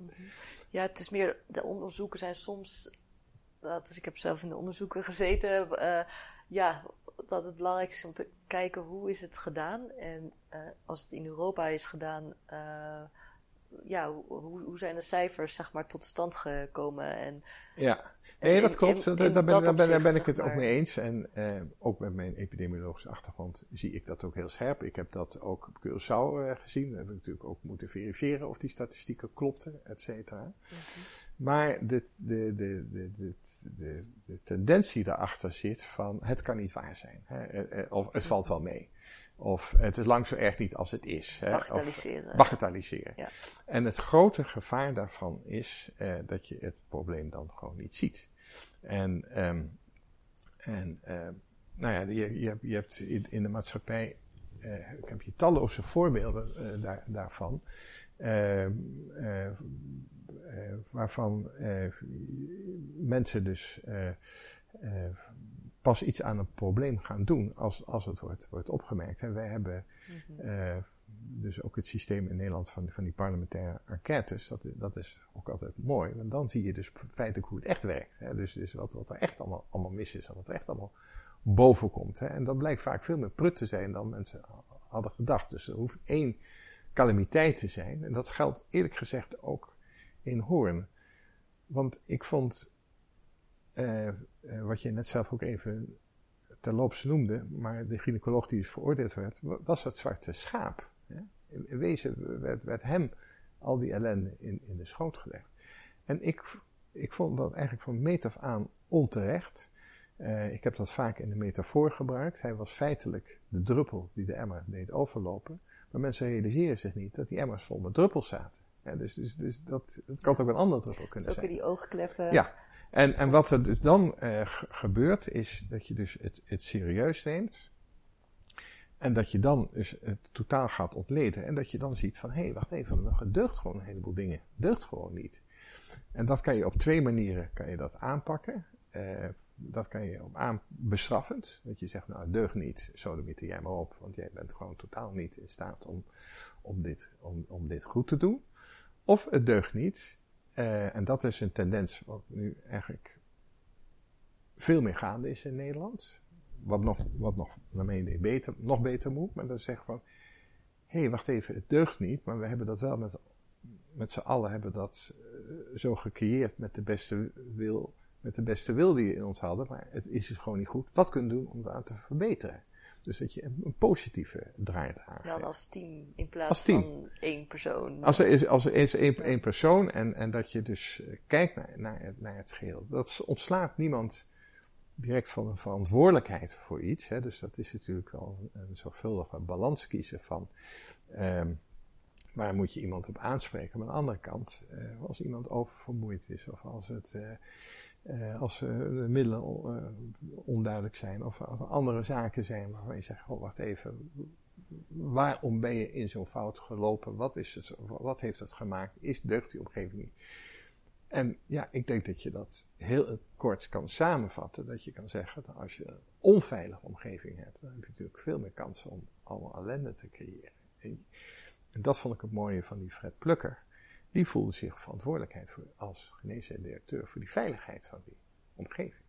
En ik kom nu nog vaak wel in het buitenland uh, en spreek ik ook met ziekenhuisdirecteuren en ben soms verbaasd over hoe ze dan onveiligheid op hun afdelingen accepteren. Ik zeg, je, zeg, je moet mensen daarop aanspreken hè? En, en, en niet in een bestraffende manier, maar kijken van hey, wat kan je doen om die veiligheid ja. Eh, te, eh, te, vergroten. En daar heb je echt de medewerking van mensen nodig. Kunt u daar ook een voorbeeld van noemen? Van een onveilige situatie, wat u dan bijvoorbeeld ziet en hoe dat om te vormen naar een veiligere situatie omgeving? Uh, nou, dat kan je dus. Uh, ik hoorde een heel mooi voorbeeld van, van een, uh, van een, hoe heet het, een verpleegkundige op, op de afdeling die zegt: uh, die moest veel samenwerken met twee gynaecologen die totaal verschillend beleid hadden. En die zaten elkaar ook vaak uh, tegen te werken. Maar dat ging dan via de verpleging. En dan ging de verpleging, ging dan, ze wisten vaak als zij A zeiden, dat hij altijd B zei. En als ze B zeiden, altijd A zeiden. En wilden ze dan A bereiken, wat ze dus eigenlijk wilden, deden ze expres, zeiden ze B. Want dan zeiden ze het andere komen op A. Nou, dan krijg je natuurlijk een hele verdraaide situatie. Je krijgt, het, het, het, het, het wordt onveilig. Het gaat dus, dat gaat dus niet goed. Een ander voorbeeld, dat vond ik zelf een van de leukste voorbeelden. Er kwam de hoofdzuster, die kwam op mij af. En toen zat ik er net in hoor en die zei, Hajo, ik heb een probleem. Ik zei, oh, nou, wat is er dan? Hij zei, er wordt hier ontzettend veel gerobbeld. En Dat is gewoon verschrikkelijk. Iedereen die klets maar. Ik zei, ja, jeetje, ja. Wat moet ik daar nou mee? Ik zeg, dat vind ik ook een lastig probleem. Dat is niet, je kan wel zeggen van, dat is niet goed. Maar ja, eh, mensen, mensen doen het toch. Ja, hoe zullen we dat aanpakken? Ik zei, nou, volgens mij is het de enige manier om het aan te pakken, is totaal, om maar even modewoord gebruiken, transparant te zijn. Dus dat wij totaal niks te verbergen hebben. Gewoon alles delen met iedereen en alles. Dus dat er geen reden meer is om te roddelen. En dat heeft heel goed gewerkt. Want na vier jaar werd gewoon niet meer geroddeld. Wow. En, en, en dat is gewoon een veilige omgeving. Wat, wat mensen niet realiseren, dat roddelen een uiting is van grote onveiligheid. Want je, je, je gaat over mensen praten, vind je ook niet dat die, die deugt helemaal niet. Hè? En heeft ze dat dan weer gedaan, zus. En je weet daar zelf totaal niks van als toehoorder, maar je gelooft het, omdat jij uh, een pact vormt met degene waarover je roddelt. Als je kampen hebt in een, in een, in een, in een, in een, op een afdeling, op een ziekenhuissituatie, waar mensen die niet door één deur kunnen, dan, dan, dan, dan, dan, geeft dat onveiligheid. Ja, ja wat veel voorkomt in. Uh, ja, en um, nou ja, dat, dat is, is, is leuk om, om, om actief aan die veiligheid te werken. Ik noemde net al intervisie. Uh, uh, dat vond ik echt een enorme eye-opener. Want uh, wat ik daar mooi aan vond, ik kende het helemaal niet, het hele systeem niet. Ik had er ook nooit mee gewerkt. Maar ik kreeg dus plotseling veel meer begrip voor mensen. Uh, als ze dus dingen zeiden waarvan je denkt, ja. Um, om even een, een, een, uitstapje te maken naar een zeer controversieel wereldbeeld. Maar als je nu naar, naar Trump kijkt, dan gaat iedereen natuurlijk de haren ook recht overeind staan. Hè. Ik vind dat ook een vreselijke man. Ik denk ook als die, zo iemand op mijn afdeling zou zitten, ja, ik ook niet zou weten hoe ik daarmee om zou moeten gaan. Maar wat ik wel zou doen, is kijken van, nou, van waaruit praat hij, van waaruit komt hij, van waaruit, hè, wat, wat, wat, wat, wat, wat maakt dat hij zo is. En um, uh, niet dat ik nou enig begrip voor, voor Trump uh, heb gekregen hoor, uh, al, al, alles behalve. Maar we zijn toevallig geweest, net twee weken in Amerika geweest. Ik heb me iets meer verdiept in de geschiedenis van Amerika. En dat relativeert weer. Is dat je denkt van, oh wacht even, ja, maar dat wist ik eigenlijk niet. Dat, dat, dat zit dat zit wel wat gecompliceerder dan ik van buitenaf zie en, en, en kan oordelen. En Trump is dus dan een extreem uh, voorbeeld. En gelukkig hebben wij in de samenwerking natuurlijk veel minder voorbeelden. Maar dat je kan zeggen, oh wacht even, ja, dit is... Nou, bij ons is Wilders misschien wel weer eentje. Ja, nou Wilders is, daar, is, is, is, is inderdaad, vind ik misschien een beter voorbeeld uh, van. Omdat hij heel erg op de man werd gespeeld. En eigenlijk totaal uh, voorbij werd gegaan aan de achterban. Waar die mee, uh, ja, die, die die vertolkt en die zich dus erg in hem herkende. En um, ja, en dat was gold voor het rollen precies hetzelfde. Dat is natuurlijk niet van de ene dag op de andere uh, verdwenen. Maar als je een goede um, attitude hebt op een gegeven moment om te zeggen van nou oké, ik wil dit gewoon hier voor iedereen beter maken. Dan, um, uh, dan helpt dat om ook dat begrip te krijgen. Nou, ik wil er niet helemaal ingaan op, uh, op, de, op de politieke ideeën van, van Wilders. Maar wat, wat wel het gevolg heeft, dat wij in ieder geval wel eens met andere ogen naar uh, kansarmen in de samenleving kijken. Uh, en en niet, niet helemaal blind staren op, op marktwerking of op rijkdom of op dat soort dingen. Dat er andere zaken dus ook, ook spelen. en maar ook, en dat is, uh, Wilders illustreert dat ook wel weer mooi, uh, het is ook weer niet één aspect. Het, het, het, is complex en het is lastig om dat ook allemaal te ontrafelen. En, um, en dat is dan in, de, in het macrogebied, maar ook in je microgebied of in je mesogebied, in de regio's, et cetera. Is dat ook zo? Is dat, is dat lastig? Mm. Terugkomend op jouw vraag van, uh, van, van dat boek, um, uh, was dat dus voor mij een uitdaging om dus de ervaring en kennis die ik daarin heb opgedaan, om dat, uh, om dat dus dan op te schrijven, te kijken van hé, hey, wat, wat, wat kan ik daarmee? En, ehm, en dat liep eigenlijk parallel. Wat in Nederland gaande is nu, is dat men eigenlijk de geboortezorg wil veranderen en verbeteren. En, um, en het leuke is, ik, ik ben nu, het boek is nu bijna afgerond, of eigenlijk vrijwel afgerond. Ik heb er met alle voorbereidingen, het is eigenlijk nu twee jaar na mijn, na mijn uh, pensionering, um, heeft het mij ook veel meer inzicht gegeven. Dus ik had nu uh, de tijd, omdat ik geen uh, klinische verplichting had. En niet dat ik iedere keer naar de volskamer hoefde te rennen, mijn zijn weer afging, telefoontje daar, dit dan regelen, et cetera. Ik kon dus rustig daar, naar kijken. En um, ik ben er toen achter gekomen um, dat um, veranderingen sowieso noodzakelijk zijn. En niet zozeer uh, omdat ze gedreven worden uit een negatief uh, zaak, sterfte te hoog, maar dat het gedreven wordt dat onze hele maatschappij verandert. Dus wij, wij moeten gewoon mee veranderen. Wij kunnen niet um, genoegzaam achteroverleunen en zeggen we doen het allemaal zo goed. Nee, de maatschappij veranderen, de kennis van mensen veranderen, de eis van mensen veranderen.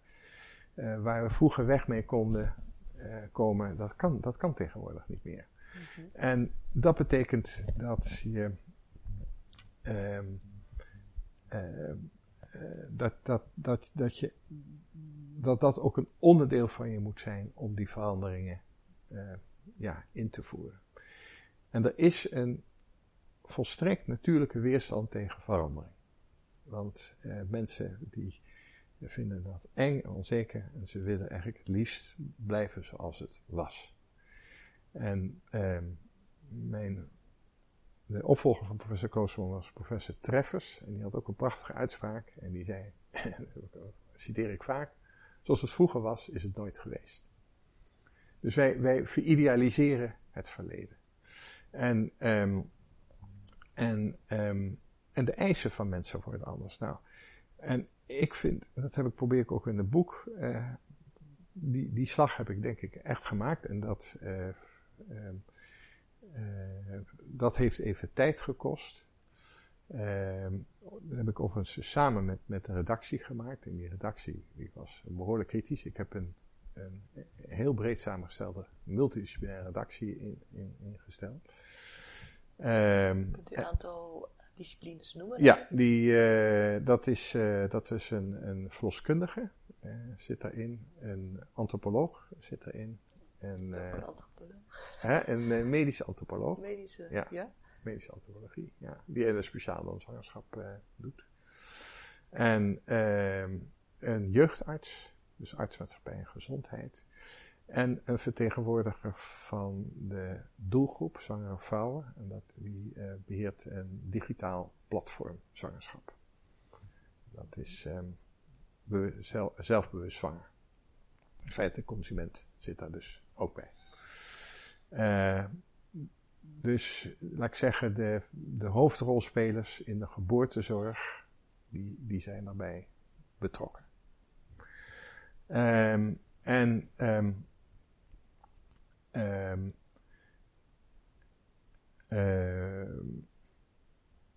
ben even de draad kwijt, maar wat ik wilde zeggen is. Oh ja, nu ik er weer. Uh, dus dat, die, die, veranderingen, die hebben dus, moet niet alleen een reactie zijn op de hoge sterfte. Dat is natuurlijk goed dat we, dat we daar naar kijken. Maar dat is ook een reactie op veranderde uh, uh, waarden in, in onze maatschappij. En, um, en die een van de belangrijkste waarden die nu aan het veranderen is, en dat is ook, ook wel heel grappig om, om dat te zien, en dat merkte ik eerlijk gezegd ook bij de prenatale screening, maar is dat um, het accent veel meer ligt op de waarde van de patiënt zelf. Dus wat hij er zelf van vindt.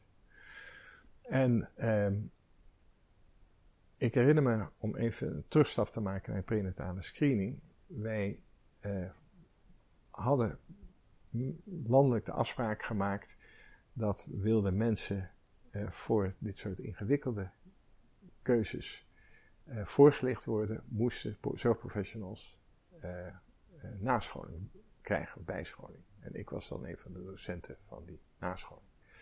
En dat ging dan onder andere over hoe je mensen informeert over de risico's, et cetera, die er was.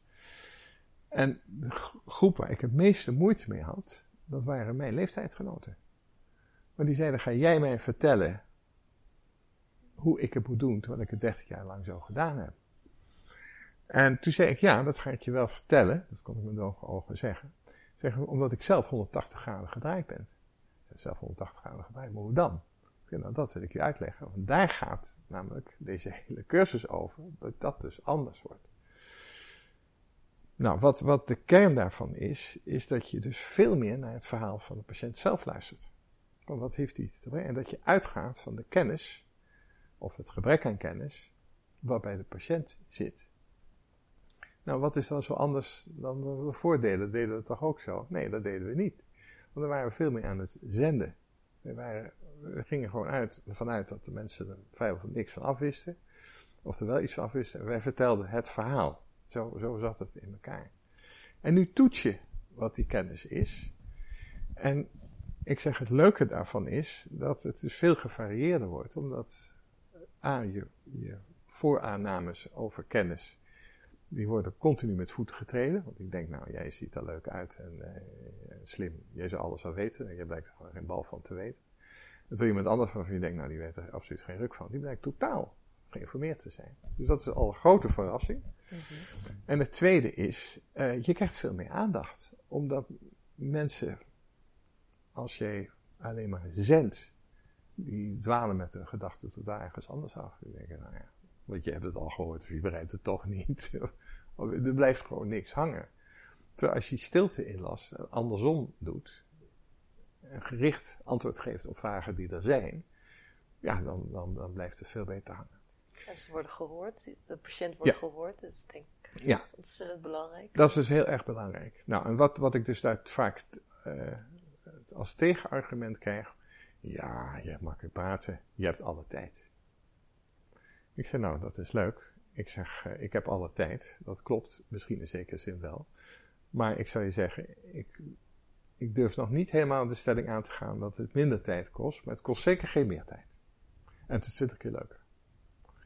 En, en, en dat, dat, dat, dat, is, dat is opvallend. Je, je gaat gewoon zitten, je laat komen en bam. Je, je, je, je, krijgt, je krijgt die informatie. En, en, en, en daar ontstaat een, een samenspel tussen, tussen jou en, en, en, en degene die tegenover zit. Ja, dat, dat, is heel leuk. En dat is echt, en ik weet het nog heel goed, ik ben even haar naam kwijt, maar dat was een, mij een verpleegkundige die toen, die, die had zich daarin verdiept en die, die mij dat vertelde. En toen ging echt een wereld van me open. Ik dacht, heb ik het allemaal verkeerd gedaan. Nou, het is natuurlijk niet dat je het verkeerd hebt gedaan, maar je hebt het anders gedaan. Want je moet natuurlijk enorm oppassen dat je uh, mensen ook niet afbrandt. Dat je zegt, nou, ik heb 30 jaar lang heb ik het verkeerd gedaan. Maar je hebt het anders gedaan. En dan bedoel ik ook dat dus die tijd verandert. Nou, was wel een specifiek moment. U heeft het over, oh, je hebt het over een verpleegkundige die dat inzicht uh, bij jou nou ja, teweegbracht. Natuurlijk ook omdat je er open voor staat. Ja. Maar was er dan ja, hoe, hoe ontstond dat? Die, die nou, die ontstond uh, doordat um, um, um, uh, wij bezig waren afspraken te maken om die counseling-cursussen op te zetten. En ik heel erg vanuit vakinhoudelijke uh, kennis daar, daar, daar zat. En het idee had dat ik vakinhoudelijk dat goed beheerste. En zij veel meer met communicatie bezig was. En toen merkte ik al um, dat ik van Latijn niets afwist. Totaal niks. Helemaal niks. En, um, en dat was voor mij al een enorme eye-opener. En um, nou, ze begon over heuristieken, et cetera. Nou, ik wist absoluut niet waar ze het over had. Ik, ik, ik, ik, begreep het niet. En toen dacht ik, weet je wat, uh, dat is interessant. Laat ik me daar nou eens in, in gaan verdiepen. Want dat is bij mij wel zo. Als ik het niet weet, wil ik het wel proberen te begrijpen. En toen heb ik uh, lezingen gehoord. Uh, ik heb even, nou, even haar naam vergeten, maar ook uit Leiden. Ik kom er zo wel op. En uh, toen dacht ik, hé, hey, ja, dat, dat, dat, dat, dat, is, dat aardig. Want dat ging over uh, risicoperceptie, risicocommunicatie, nou, dat, dat was, dat, dat, dat, dat, dat, dat, dat is interessant. Maar toen zat ik nog even in een stadium van, ja, ik vind het interessant, maar ik vind het heel erg ingewikkeld. Dus ik, uh, ik weet niet of ik dat kan overbrengen zelf. Hè. Dus op een gegeven moment wil je zelf dat ook kunnen overbrengen. En toen heb ik een boek gelezen van uh, Tversky en Kahneman. Tversky is inmiddels overleden, maar eh, Daniel Kahneman. En dat is een heel populair boek. En dat zie je ook nog in alle Bruna winkels ook liggen. Thinking Fast, Thinking Slow. En dat heeft de Nederlandse titel iets van het denken of zoiets. Of wat is dat? Ons, iets, iets met denken te maken of zo. Nou, het boek is een megaseller. En dat boek heb ik gelezen en uh, daar ben ik razend enthousiast over. Want die, um, uh, die leidt je heel erg in, in die hele wereld. Zij hebben de Nobelprijs voor de economie gekregen, terwijl ze psychologen waren. Want waar het om ging, van waarom mensen, hoe mensen met risico's omgaan in, een, in de economische wereld. en eh, nou ja, dat was geweldig verhelderend eh, hoe ze daar. Maar of het een economische wereld is, hoe gaan mensen met risico, hoe ga jij met risico's om, hoe ga ik met risico's om. Uh, ja, dat is gewoon een ongelooflijk leuk, uh, leuk thema. Ja, Nou, en toen ben ik me dus daar steeds meer in, in gaan verdiepen. En, ehm, en ja, toen ben ik het ook wat meer gaan integreren, in die, die twee dingen. Uh, en heb ook dus gezien dat uh, inform, dus, uh, informatieoverdracht niet uitsluitend is overdracht van feitelijke informatie van de een naar de ander, maar dat er dus ja, een heel ja, een heel kader om, omheen zit. Van uh, ja, hoe breng je die informatie over? Wat betekent die informatie? Wat is die informatie eigenlijk? Uh, nou, Brains, de afkort, dat kwam in het. Ja, Brains komt ook in mijn boek voor, ja. Benefit, uh, risk, ja. nou, voor elke letter staat. Ja, ja dat klopt. kennis over, voor informatieoverdracht. Om, ja, ja, en het laten bezinken en het toetsen. En uh, ja, dat, dat, uh, ik weet nou even niet uit mijn hoofd. Uh, ik heb het ook in mijn boek genoemd, oh, ja. toevallig geweest. Ja. Um, maar um, het is inderdaad, ja, wat, wat wel ook in mijn boek staat, um, dat het uitgaat van totale gelijkwaardigheid als, als gesprekspartners. En dan kan je zeggen van, hé, hey, maar hoe kan dat? De ene heeft toch meer kennis dan de ander? Nee, dat is niet zo. De ene heeft andere kennis dan de ander. Ik heb dan vakinhoudelijke kennis en, en wetenschappelijke kennis en noem het op. Maar jij hebt je eigen ervaringskennis en je eigen, ja, je eigen, je eigen, eigen, eigen, mensbeeld en et cetera. En, en, en die kennis moet ik respecteren. En als er hiaten zijn in kennis, kan ik die aanvullen. Omgekeerd, als ik hiaten heb in, in mijn perceptie van hoe jij erover over denkt, uh, dan kan ik uh, om beleidsvoorstel kan ik daarop aanpassen. Dan kan ik zeggen, oh wacht even, ja, dat is wat anders. Hè? Je man is binnenvaartschipper en die is nou net niet thuis en, hè, en je wil toch ingeleid worden. nou ja, wacht even, dat verandert de zaak. Hè? Daar wil ik wel over praten. Dus even een mhm. heel simpel voorbeeld, dat deden we natuurlijk sowieso wel. Maar uh, het, geeft, het geeft aan dat het, het, het niet.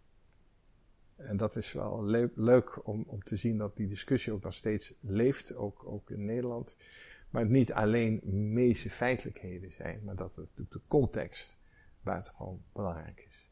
Dat is nu ook weer een beetje doorgeslagen. Want nu is net een rapport uitgekomen van de Raad van Volksgezondheid en Samenleving. En dat gaat dan over evidence-based medicine in illusie. En uh, die hebben heel veel kritiek gekregen op dat rapport, omdat ze feitelijk weer een soort stap terug doen naar hoe het vroeger was, dat iedereen maar deed wat hij goed vond. Dat is natuurlijk ook niet zo. Hè. Het, maar wat, wat, wat natuurlijk belangrijk is, dat, dat deze werelden uh, samen worden gebracht. En dat deze wereld samen meer zijn dan de som der delen. Dat is ook feitelijk ook de titel van mijn boek. Uh, samen bevalt goed.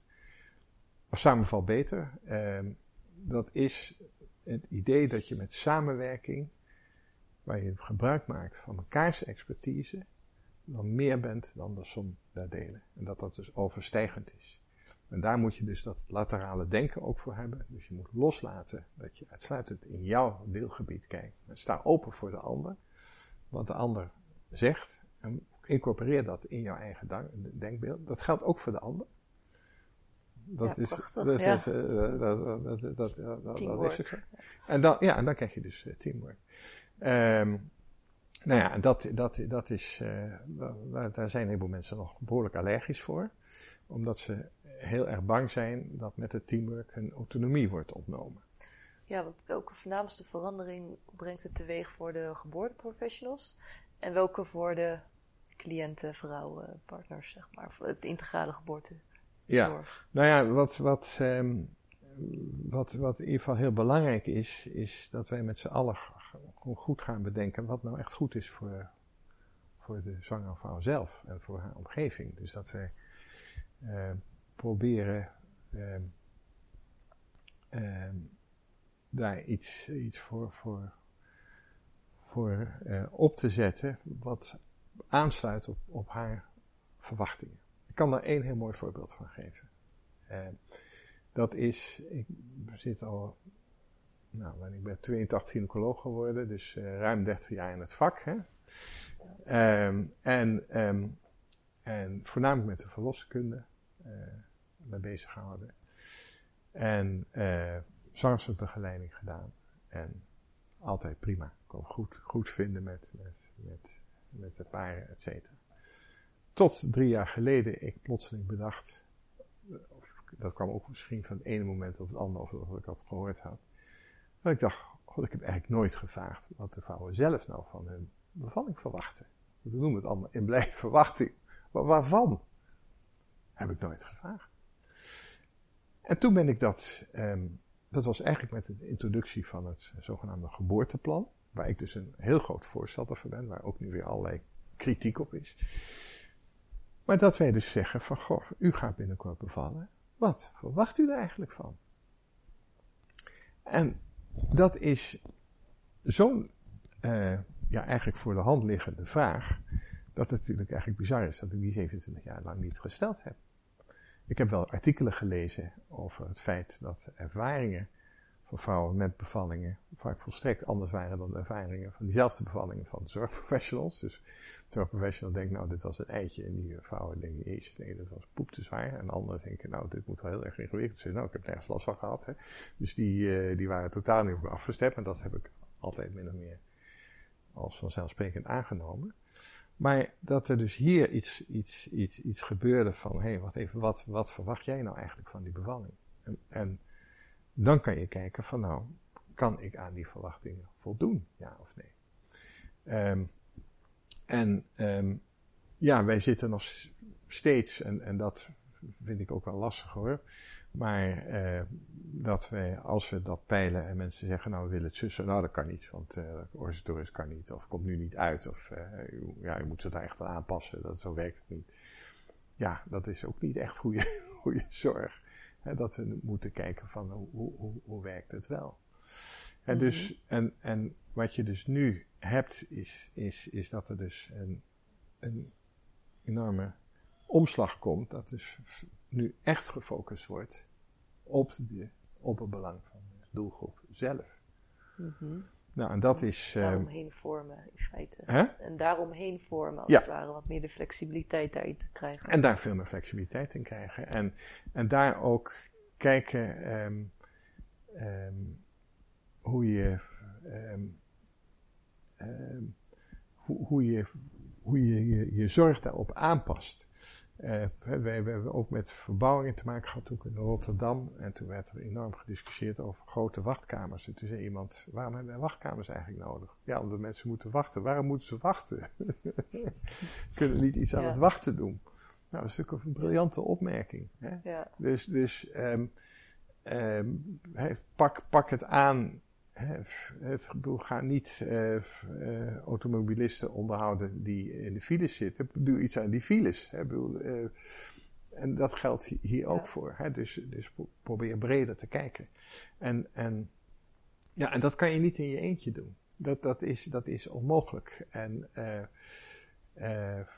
nou ja, en, maar wat, de allergie die er zit, heeft natuurlijk ook alles te maken weer met machtsverhoudingen.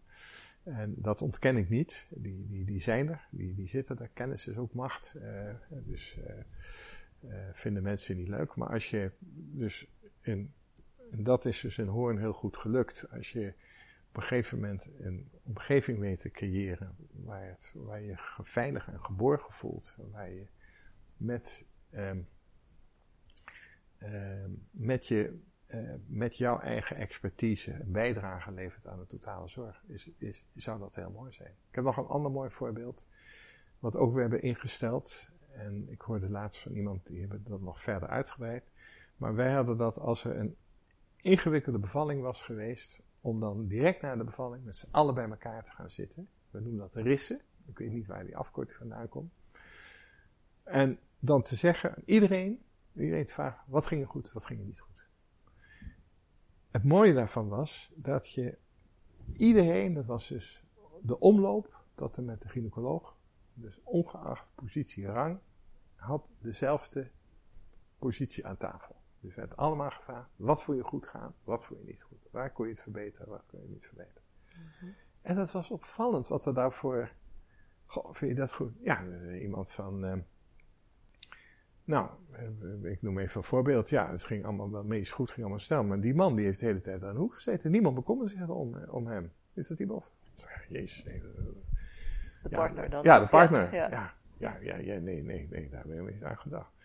Nou, dat, dat, dat, ja, die zat er zo hulpeloos bij. En uh, dat was echt, uh, dat was echt, uh, dat, is, dat is niet goed zeg. Oh, ja, nou de, de, de, daar ben je echt door, door verrast, hè, dat iemand dus dat dan, uh, dat dan opmerkt.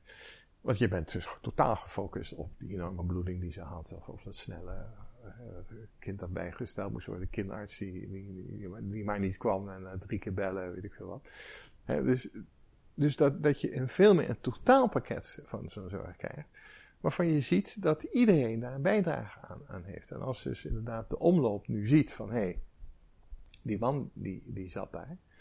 Uh, die zat er maar in een, in, in een hoekje uh, te zitten. Nou, dan kan je zeggen: oké, okay, uh, wat kunnen we aan doen om dat te verbeteren? Dus volgende keer hou jij je bezig met, met de partner. Of jij bent de coördinator.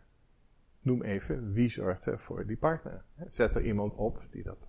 Ja, nou, mooi. En, en, en het, het geeft dus heel erg aan ook het, de teambenadering wat, wat er is. Mhm. En uh, nou, ik heb ook nog een, een, stelling, zeg maar. En ik vraag me af waar de integrale geboortezorg daarop kan uh, inspringen. We uh, geven aan uh, dat continue begeleiding bij een vrouw die aan bevallen is heel erg belangrijk is. Um, en nu nou, wordt er een coördinerende zorgverlener aangewezen. Dat is ook onder, onderdeel van het integrale geboortezorgplan. Wat eigenlijk daarvoor ook wel een redelijk is, maar dat het wordt inderdaad uh, belangrijk dat er één aanspreekpunt is voor een vrouw. Ja. Uh, nou, kan voornamelijk is, is dat de verloskundige. Um, ik vroeg me af wat er met de situatie uh, ja, kan gebeuren dat wanneer een vrouw bijvoorbeeld wil thuisbevallen, ze wordt, moet toch naar een ziekenhuis toe. Dus dan vindt er een overdracht plaats, waardoor de co coördinerende zorgverlener ja, het overgeeft aan, uh, overdraagt aan, aan het ziekenhuis. Waardoor daar dan een schakel plaatst. En dat, dat is zeg maar nu uh, al vaak een, een moeilijke situatie voor de vrouw. Uh, heeft u daar ideeën over of benaderingswijze over? ja, daar heb ik zeker ideeën over. het is, um, dit is een heikelpunt. En um, er zitten uh, er zitten twee aspecten aan. Eén is um, um, dat um, er tussen de beroepsvereniging van gynaecologen en verloskundigen uh, een flinke ruzie was ontstaan over wie nu precies de verantwoordelijkheid heeft over de gewone zwanger. Um, de gynaecoloog ziet dat als een gedeelde verantwoordelijkheid. Dus die wil eigenlijk overal bij betrokken zijn. En de verloskundige die ziet dat veel meer als een, als een soort eerste lijnsverantwoordelijkheid, waarbij ze een poortwachtersfunctie hebben. Dat zeggen, nou wij, wij doen de selectie en wij regelen. Um, voor beide uh, standpunten valt wat te zeggen. Uh, uh, het standpunt van de uh, gynaecoloog is dat je zegt van nou, wij werken als een geboortezorgteam. Dus wij, wij, zijn allemaal onderdeel van het team. Dus voor de mensen moet dat dus niet uitmaken hoe, dat dan zit. Het is één team. dus in, in, die, in die filosofie, wat ik net al zei, samen doen, past dat dus heel goed. Um, wat de verloskundigen uh, zeggen van, um, uh, die, uh, die weten zich gesteund ook door wetenschappelijk onderzoek, dat noemen ze dan midwifery-led care, dat als zij in de lead zijn, um, dat dan beter is voor, voor de zwanger, in ieder geval qua perceptie van wat de zwanger fijn vindt. ook een continuïteit van, van zorg. Um, en dat vind ik eerlijk gezegd wel een, een, een sterk argument. Um, en um, waar ze dan mee in de knoop komen, is um, precies die overdracht die je noemt, uh, van huis. En dan hebben, willen ze bijvoorbeeld, uh, de pijn is ondraaglijk en ze willen een ruggenprik. Nou, er is verder niks met die vrouwen aan de hand, ze krijgen alleen een ruggenprik. Ja, en dan moeten ze het overdragen. Nou, dat kan je doen, uh, dat kan je oplossen. En dat doen ze nu in Amsterdam. En ik noem dat ook wel de rebelse Amsterdamse verloskundige. Van Vive? Nee, ja, is dat Vive? Nee. Het is, nee, het is Eva heet dat. Eva. Ja. Um, en die, um, uh, die zijn nu aan een uh, herschikking van taken bezig. Dus die proberen ze nu bij te scholen. Hebben een lijst gemaakt van uh, tiental punten. Waar zij dus zelf die begeleiding zouden kunnen doen. En dat willen ze dan verder evalueren. Dat noemen ze mid-risk. Dus dat zijn dus een, een, een mid-risico. Uh, nou, op zichzelf vind ik dat een, een, een mooi initiatief, omdat je dus dan wel die continuïteit van zorg hebt. Dus begrijp ik het goed dan dat de ruggenprik thuis wordt gegeven? Nee, nee, de ruggenprik nee. wordt het ziekenhuis, ziekenhuis gegeven, maar ze blijven dus, ja. de bevalling blijft onder leiding van de Oké, dus ze mogen mee het ziekenhuis in en blijven de En blijven dan bij een begeleider, want die bevalling zijn ook eindverantwoordelijk voor die bevalling. Oh, oké. Ja, dus, ja. dus dat... Uh, Dus, dus, maar dat betekent dat zij dus in staat moeten zijn om die registratie van die kinderen te lezen. En die moeten dus geregistreerd worden. Dat heet dan een CTG. Dat moeten ze kunnen. En ze moeten weten, ook bij een, um, bij een ruggeprik, dan zijn de criteria voor uitdrijving zijn anders, et cetera. Dus dat, dat, dat, moet, dat moet nog wel wat nageschold worden. Dus in, maar goed, je, je, je, zou, kijk, ik vind dat eerlijk gezegd uh, ook, ook, mooi, uh, omdat we de, de tweede lijnsverloskundigen hebben. Uh, die we al, uh, die in wezen eigenlijk uh, een beetje op een zijspoor zitten. vanuit de eerste lijns verloskundigen. De eerste lijn verloskundigen zijn vaak heel erg sterk en onafhankelijk. En de tweede lijns zijn, vallen binnen de ziekenhuisorganisatie en worden eigenlijk een beetje minachtend naar hun gekeken door, door, door, die groep. Maar um, uh, de tweelijnsverloskundigen, dat is, dat is enorm gegroeid. Uh, die maken steeds meer deel uit van de totale organisatie van, de, van, de, van een ziekenhuis. Bovendien, dat heb ik zelf meegemaakt, wij kregen vrij veel tweelijnsverloskundigen. Die kwamen werkend in het, uh, in het Westfries Gashuis, die vanuit de eerste lijn kwamen. Dus die, die hadden de expertise van beide. Dus ja, waarom zou je zitten? Het zijn een en dezelfde mensen, dus waarom zou je dat niet één maken? Dus dat, de klinische verloskundige? Klinische verloskundige, ja, ja. dat, ja. Um, dus, dus, dus daar valt veel voor te zeggen. Uh, het, het, het potentiële gevaar daarvoor is, maar dan denk je dus veel meer aan beroepsgroepenbelangen, is dat dan de gynaecologen minder te doen hebben. Um, maar ik denk dat de gynaecologen daar niet om, om, om, uh, om, uh, een traan om zullen laten. Uh, omdat verloskunde over het algemeen door gynaecologen als zwaar wordt bevonden vanwege de disutility. Dus de nachtdiensten, et cetera. Dus als je op een gegeven moment een taakverlichting kan krijgen en dat je dus op andere wijze je taak kan doen, ik denk dat dat de meeste gynaecologen toe zullen juichen. Ik ook, eerlijk gezegd, altijd. Ik bedoel, een van de, uh, een van de argumenten om taakherschikking te doen, is voor, voor mijzelf bijvoorbeeld dat ik gewoon intrinsiek lui ben. Dat ik hartstikke fijn vind dat anderen het dan doen.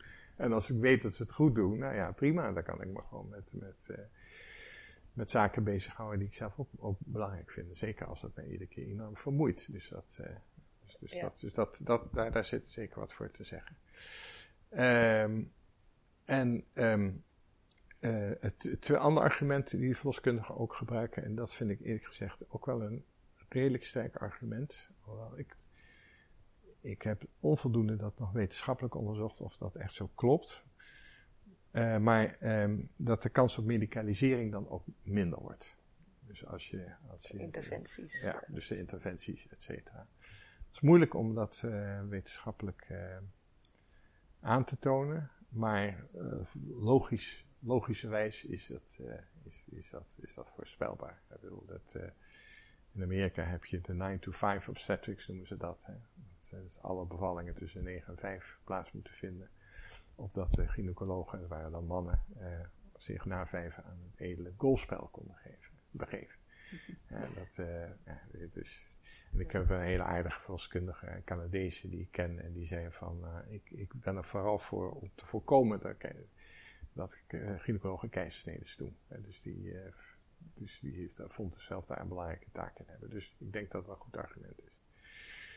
Het andere argument van de uh, geïntegreerde zorg, dat, dat dus wel betrokken bij uh, moeten worden, uh, spreekt mij in die zin aan dat ik denk dat als je samen om tafel zit, dat dat veel makkelijker is om, ja, om daarna die overdracht te doen. Je kent elkaar, je weet elkaar, je kan heel makkelijk uitwisseling hebben.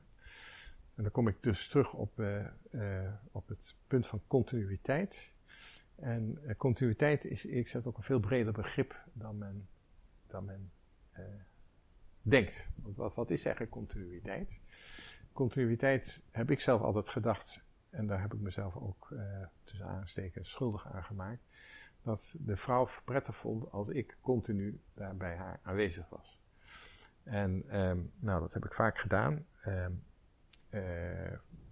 zeker bij vrouwen met kinderen met ernstig aangeboren afwijkingen nou, ze continueerde keer mee of niet iedere keer hetzelfde verhaal te vertellen. En bij de bevalling was je ook, en dan kon je het allemaal opvangen, et cetera. Maar goed, dat werkte op een gegeven moment niet, niet meer. Want uh, ja, ik had ook een gezin, een privéleven. En uh, ja, je kon niet continu uh, beschikbaar zijn. Dus dat, en toen viel me op dat als ik dat dus dan uitlegde aan mensen, dat dat ge, ge, gepruimd werd. En, en dat heeft achteraf te maken dat dat betekent continuïteit van zorg. En dat je dus ook een continuïteit van uh, de eenduidige zorgverlening hebt. Dus jij bent nu bij mij onder controle. Je vindt dat prettig, je vindt het fijn. Maar je weet, daar heb je vertrouwen in mij, dat als je bij die komt, dat het op hetzelfde lijn wordt voortgezet. Dat geeft je een vorm van zo continuïteit. Veiligheid, ja. Veiligheid. Ja. Um, en um, dus dat betekent ook een, een continuïteit in een, in een, als zorgteam. En ik heb de volkskundigen er wel eens naar gevraagd. Ik zeg, hoe kijken jullie daar tegenaan? En daar raken ze altijd een beetje verlegen van. Want ik zeg, volgens mij hebben jullie, als je een verloskundige praktijk hebt, twee manieren om, uh, om dat aan te pakken. Eén is zoveel mogelijk één en dezelfde begeleid de zwangere vrouw tijdens de zwangerschap. En dan tijdens de bevalling moet je maar zien wie je krijgt. En de ander die zegt, nee, wacht even. Wij vinden dat wij allemaal daarbij betrokken moeten zijn. En als je bij de bevalling hebt, dat je geval weet wie je krijgt. Dus er ziet iedere keer iemand anders jou. Mhm. En, um, nou, ik zeg dat is wel een heel essentieel iets. Wat, uh, een verschil in, in aanpak. Wat is beter? Nou, weten ze niet. Uh, weet, weet, ik ook niet. Uh, gevoelsmatig lijkt mij beter één en dezelfde, omdat je kijkt naar de hoogte van de buik, maar je hoort ook het verhaal. Je hebt, het, je vorige week met u een examen gedaan. Heeft u het gehaald of niet, weet je wel. Mm Nou, als je nieuw bent, dan weet je daar niks van af. Ja. Uh, hè, dus, dus dat is dus iets meer, meer persoonsgericht. Um, maar goed, dus de continuïteit heeft dus een, een, een beter, uh, een, een, een, beter, een breder begrip. En om op jouw vraag terug te komen, wat je zei van, uh, hoe, hoe kijk je dan tegenaan? Wat ik dus nu ook belangrijk vind, van hoe kijkt de doelgroep daar dan tegenaan? Ik heb dan misschien, hoe ik er tegenaan kijk, kijk ik ook vanuit mijn eigen beroepsbelang er tegenaan. Maar wat vinden jullie zelf eigenlijk van? Nou, er zijn sommige vrouwen waarvan ik weet, die zeggen, nou, ik vind het toch heel, fijn dat een gynaecoloog iemand over de schouder meekijkt. Dat idee geeft ben ik al dik tevreden over. Nou, prima. Kan. Um, en, um, het, dus het geboorteplan, wat u zegt, het individuele geboorteplan kan daarin bijdragen. Van oké, stel er is een overdracht, wat, vindt de, wat zijn de wensen? Wat... Ja, of je kan het zelfs van begin af aan uh, hebben. Ik weet wel dat, uh, ik heb al geluiden gehoord dat uh, vrouwen soms er tegen zijn dat informatie gedeeld wordt met gynaecologen in een team. Maar die zeggen dat wil ik niet. Daar hebben ze recht op. Dat is, dat is, uh, dat is heel interessant. Daar ben ik ook achter gekomen. Dat mogen ze gewoon zeggen. Dat moet, het, uh, het moet, ze moeten zelf, nee, omgekeerd. Je, je moet zelfs uh, expliciet toestemming vragen of je het in het team mag bespreken. Dus, dus zo, zo, is het zelfs geregeld. Informed dus, consent. Dus ja, nou, ik, informed consent is, ik, ik hou niet zo van die term. En dat heeft te maken met informed consent. Is, um, daar ga je ervan uit dat iemand um, daarmee eens is. Ik moet alleen nog je toestemming hebben. U gaat hier zeker mee akkoord, hè? Dat is informed consent. Mhm. Terwijl uh, geïnformeerd besluiten is dat je twee opties hebt. En dat je, kunt zus en kunt zo doen. Wat is jouw besluit? Hè, ja. Dus, dus, dus, ja. Maar goed, um, die vrouwen zeggen van nou, nee, ik wil niet. Ik wil niet dat er een gynaecoloog mee komt. Ik heb altijd normaal, ik ben hartstikke gezond en, uh, en ik, ik, hoef dat niet. En dadelijk gaan ze allemaal enge dingen over me zeggen. Dat, uh, dat wil ik niet. Ja, dat, dat, daar hebben ze totale recht toe om, om dat te zeggen. Omgekeerd zijn er ook vrouwen die zeggen, ja, ik, dat, dat weet ik.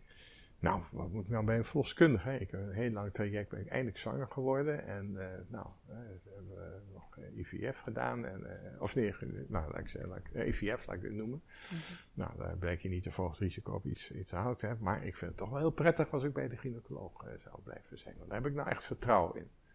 Nou, als ze daarnaar luisteren, dan kunnen we dan begin zeggen van oké, dan kijk je mee. Hè? Dus, dus daar zou ik wel een voorstander van zijn. Ja, maar wat je dus nu heel erg, eh, nou het mooie was, de minister heeft uiteindelijk die ruzie beslecht. Eh, op een hele diplomatieke wijze. Eh, want die zei van, uh, nee, uh, wat, wat, wat mij goed lijkt is dat jullie dat gewoon lokaal uitzoeken. Dus als bij de ene midwifery-led care is, prima. En als bij de ander één teambespreking is, ook goed. Jullie mogen het lokaal uitzoeken. Nou, toen was iedereen tevreden. er was dus niks. Ja. Uh, maar als je dus, uh, dat is wel leuk om met jou hier nu over te discussiëren. Uh, als je dus hierover nadenkt, dan, um, dan denk ik dat het dus vooral aan het begin is. En dat heet dus dan het geboortezorgplan. Dus in tegenstelling tot het geboorteplan of het bevalplan, dat is al even lastig, maar het geboortezorgplan is het allereerste begin. Dat je daar zegt van, goh, vindt u het goed dat ik het met het team deel? Wilt u dat de gynaecoloog meekijkt, mede beoordeelt, et cetera. Mhm. En dan heb je echt een cliëntgeoriënteerd uh, benadering. Maar die kan dus dan aangeven, nou dat wil ik of dat wil ik niet. Of die zegt, leg dat uit, wat betekent dat dan? Nou, dat betekent in uw geval eigenlijk helemaal niks dat u uw naam noemt of dat u daar genoteerd staat. Of, uh, of als u wil, kunt u eens een keer uh, een kennismaking hebben of weet ik veel wat. Dat, mm -hmm. ja. En een andere vraag. Ik ben eigenlijk benieuwd, bent u bij uw eigen kinderen de bevalling geweest? Heeft u die zelf begeleid? nou, dat is, een, dat is een leuke vraag. Oh. we hebben vier kinderen. Dus de eerste. We hebben vier kinderen. Mijn vrouw heet Marina. En de eerste is onder leiding van de verloskundige thuisgeboren. Die verloskundige heette ook Marina. dus dat was voor mij makkelijk. En ik vond dat een uh, hele uh, bijzondere en emotionele gebeurtenis. En ik was eerlijk gezegd heel blij dat ik als vader daarbij was. Ik had volstrekte vertrouwen in de beide Marina's. En um, um, Uh, dat, uh, nou, dat, daar heb ik een heel goed gevoel over. Was dat bewust ook gekozen? Ja, dat bewust ja. gekozen. En, uh, maar goed, dat is alweer, mijn dochter is 35 jaar oud. dus dat is 35 jaar geleden. Ehm, en ehm, toen gingen we naar Curaçao. Toen was Marina hoogzwanger. En die wilde per se weer thuis bevallen. En toen zei ik, nou, daar hebben we een probleem. Want we doen geen uh, verloskundige begeleiding, geen thuisbevallingen. Dus ik zei, er zijn twee mogelijkheden. Of je bevalt in het ziekenhuis onder leiding van een van de mensen daar. Of je bevalt thuis, maar dan moet je onder mijn leiding bevallen. Maar dan ben ik de accoucheur. Dus dan ben ik degene die de bevalling begeleidt. Dus niet, niet U was op dat moment op dat niveau om dat volledig te begeleiden ook? Ja, ja. Nou, dat, ja ik, nou, ik was gynaecoloog, dus ik kon, ik kon dat. En, uh, en toen zei ze, nee, ik uh, kies uh, dan voor thuis. Dus, nou, toen... Um, dat was wel mooi, want zij, als je naar haar kijkt, dan, dan denk je, ja, bevallen is eigenlijk is een fluitje van een cent. Maar we waren toen, ze was uitgerekend op 10 februari, dat was uh, de dag dat wij verhuisden. Uh, we zaten in een hotel, benen, dus dat is ook niet erg. Ja. En ik ben s ochtends daar nog puin wezen ruimen, want ze hadden dat is eigenlijk verbouwd. Ik heb een grote schep, nog eens Curaçao was dat, heb ik die puin het huis uitgegooid. En toen hebben wij die, verhuizing gekomen, het was ook net carnaval. Die verhuizers lieten ons letterlijk en figuurlijk bij de dozen neerzitten. Dus we hebben toen alles uitgepakt en als een, als een idioot gewerkt. En toen was het maandagavond en toen zaten we, vijf uur s'avonds zaten we op het platje daarvoor, de porch. En zei Marina, nu mag het wel komen. en ze hadden nou gezegd, ons de weeën begonnen. En toen kreeg ze eigenlijk binnen een paar uur volledige ontsluiting. En toen uh, zei ze, jezus, ik moet nu gaan persen. Ik zei, ja, maar er is nog geen licht op de kamer. Dus ik was... Uh, ik was toen bezig om een lampje te, in te, met een boer. Ik zei, ja, maar ik hou het niet meer. Ik zei, ik zei nou, snel dat lampje ingedaan, kind opgevangen. En toen, toen was het heel mooi. Nou, dat is dus heel goed gegaan. Prachtig. En toen um, de derde, en dat was verder, dat was een hele leuke verpleegkundige bij die ik nog uit het, uh, uit het, uit het Wilhelmina Gashuis kende. Die nog steeds goed met ons bevriend is. Hartstikke leuke meid. En toen de derde, dat was voor haar, werd op Curaçao geboren, maar toen was het voor haar geen probleem meer om weer thuis, weer onder mijn leiding te, te gaan bevallen. En dat ging ook eerlijk gezegd heel vlot. Uh, maar ik had dus wel, um, ja, ik, vond het zelf minder de ervaring, uh, twee en drie, omdat uh, ik een dubbelrol had. Ik was dus vader en, en, en, en parteur, dus degene ja. die de bevalling begeleidde. Mm. En toen kwam nummer vier en die is in Nederland geboren. En toen zei ik, nee, ik wil gewoon weer dat je onder een leiding van een verloskundige komt. Dus je hoeft niet per se Marina te heten. maar uh, nou, dat was Ans. En Ans die deed dat prima. En uh, toen is ze ook eigenlijk heel vlot bevallen. En ik vond het allemaal prima. En um, nou, dat is grappig hè, dat je denkt, nou oké, dat is mooi, zo'n gynaecoloog die daar dan heel langmoedig over denkt. Maar toen was mijn eigen dochter was, was zwanger. En uh, die was toen bijna uitgerekend van de eerste. Toen was ik op een refereeravond in, uh, in, uh, in het AMC. En er werden allemaal kinderen besproken die overleden waren tijdens de bevalling. En toen zat ik daar en ik was er absoluut van overtuigd dat de volgende bespreking zou gaan over mijn overleden kleinkind. Dus dat speelt dan ook weer een rol. Ja. En Marina, mijn vrouw, had ook wel eens moeite mee dat ik met mijn dochter, dat ik daar zo, zo weinig echt enthousiast over, over deed. Ik zei, ja, dat is toch een beetje vakdeinformatie. Ik, ik, wil, ik wil wel weten dat alles goed gaat. En ik ben echt pas blij als ik weet dat alles achter is. Dus, dus dat, dat zit ook wel in je. En dat heeft ook te maken natuurlijk met, met de jaren uh, van ervaring. En, en, ja. En, uh, ja, en ook de ambivalentie, et cetera. Maar het is goed gegaan met uw dochter. Ja, natuurlijk. Het is hartstikke goed gegaan, ja. Nou ja, ja, er kwam wel bij dat zij toen, want zij woonde toen Fiji en zijn in verband met de bevalling hier komen wonen. Dus zij woonde hier wel. Ja. En uh, ze wilde toen thuis bevallen. Wij zijn toen nog uh, uit onze slaapkamer verjaagd en uh, naar de logeerkamer gebonjourd. En, en nou ja, ik vond het allemaal prima. Maar toen dacht ik, oh ja, ik hoop wel maar dat dat goed gaat. Hè? Dus je, je, dus het was wel heel dichtbij. Het was dus niet even een dochter die, uh, die af en toe belt of waar je één keer per twee weken heen gaat. Of omgekeerd die bij jou komt. Ze woonde gewoon hier ja. samen met haar echtgenoot. Ja. En, en dat uiteindelijk, oh ja, dat was ook zo mooi, want uiteindelijk lukte dat dus niet. En toen is ze naar het Westfries gashuis gebracht. En toen had ik net verloskamerdienst. En toen dacht ik, ja, dan ga ik toch die bevalling doen van mijn dochter. Nou, dat wil ik niet. Dat vind ik niet, niet juist. En toen heb ik een collega bereid gevonden om dat, uh, om dat te doen. Nou, ja. vond dat geen, dan moest ik ook wel vragen, vind je dat geen probleem? En ik kan me ook voorstellen, uh, dat je dat ook, daar heb ik ook weer allemaal ellende van meegemaakt. Dat mensen dat problematisch vinden. Maar die vonden het geen enkel probleem. En dat is toen ook heel goed gegaan. Ja. Dus dat, Bijzonder, mooi. Ja. ja. Mooi te horen. En, ja ik, ik begrijp ook uh, helemaal dat je dat kan voelen van... Oké, nu wil ik ook weer in de rol van echtgenoot zijn. Ja. het is ook heel mooi om wel meegemaakt te hebben, lijkt mij. Om, om dat je eigen kind te mogen opvangen. Terwijl je dat ook dat zou kunnen natuurlijk als je vader ja. bent. Ja, nee, dat is absoluut... Uh, dat is een enorm voorrecht. En uh, ja, als je ook ziet wat voor... ja, ik ben natuurlijk ontzettend trots op mijn kinderen. Wat voor leuke kinderen het zijn. Dan denk je, ja, dat, dat heb ik, dat heb ik toch. Dus dat is, dat is leuk nog een laatste vraag. Wat uh, heeft u nog als, wat heb je, ik, ik blijf steeds u zeggen, uh, wat heb je als droom voor de komende vijf jaar? Is er nog iets wat je verwezenlijkt ziet worden?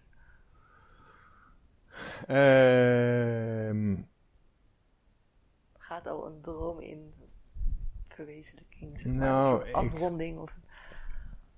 Nee, um, kijk, ik, ik, ik hoop nu uh, dit boek dus nu uh, af te ronden. Dat, uh, dat, dat gaat, dat, ja, dan moeten nog een paar, paar hobbeltjes genomen worden, maar dat, dat gaat dus wel lukken. toen vroeg um, de uitgever of ik daarna een rol daarin wilde spelen in de verspreiding of in verder nog een bepaalde functie wilde hebben. Toen zei ik, nou, Nee, eerlijk gezegd niet. Dat hoeft voor mij niet. Daar, daar, daarvoor hoef ik niet te doen. Het gaat mij echt om, om dat boek.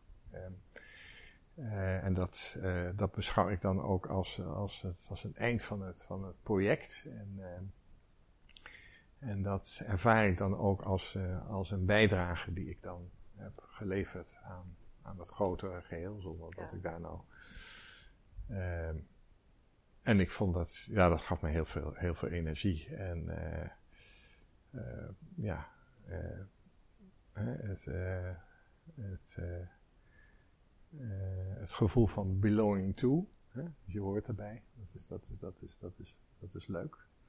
Mm -hmm. um, ik hoorde een paar jaar geleden Hedy Dacona zeggen, die, die gevraagd werd hoe ze pensioen vond. Toen zei ze, nou, ik vind dat lastig omdat ik er niet meer bij hoor. Dus niet meer deel, deelgenoot van ben. Het was opvallend dat ze dat zei, want ik kwam haar enige tijd geleden bij een lezing. Een ontzettend leuk vrouw. Ze heeft trouwens ook vorig jaar zomergast gedaan. Ik weet niet of je dat gezien hebt. Nee. Nou ja, ze is nu in, in 80, maar het is een geweldig mens. Dus, dat, uh, um, dus misschien is mijn droom om zoals Hedy Dacona te worden, dat je dat op zo'n manier nog zo goed kan invullen zonder dat je enige pretenties heeft. Dus dat, uh, dat, dat, dat is eigenlijk wel, wel mooi. Um, want ik sta nu wel open voor uh, nieuwe, uh, nieuwe, nieuwe zaken. Um, waarvan, um, ja, waar, waar ik dus dan, dan energie van krijg. En wat ik, uh, wat, wat, ik, wat ik leuk vind om, om te doen. Maar daar ben ik dus nog niet, niet helemaal uit. Mm -hmm. en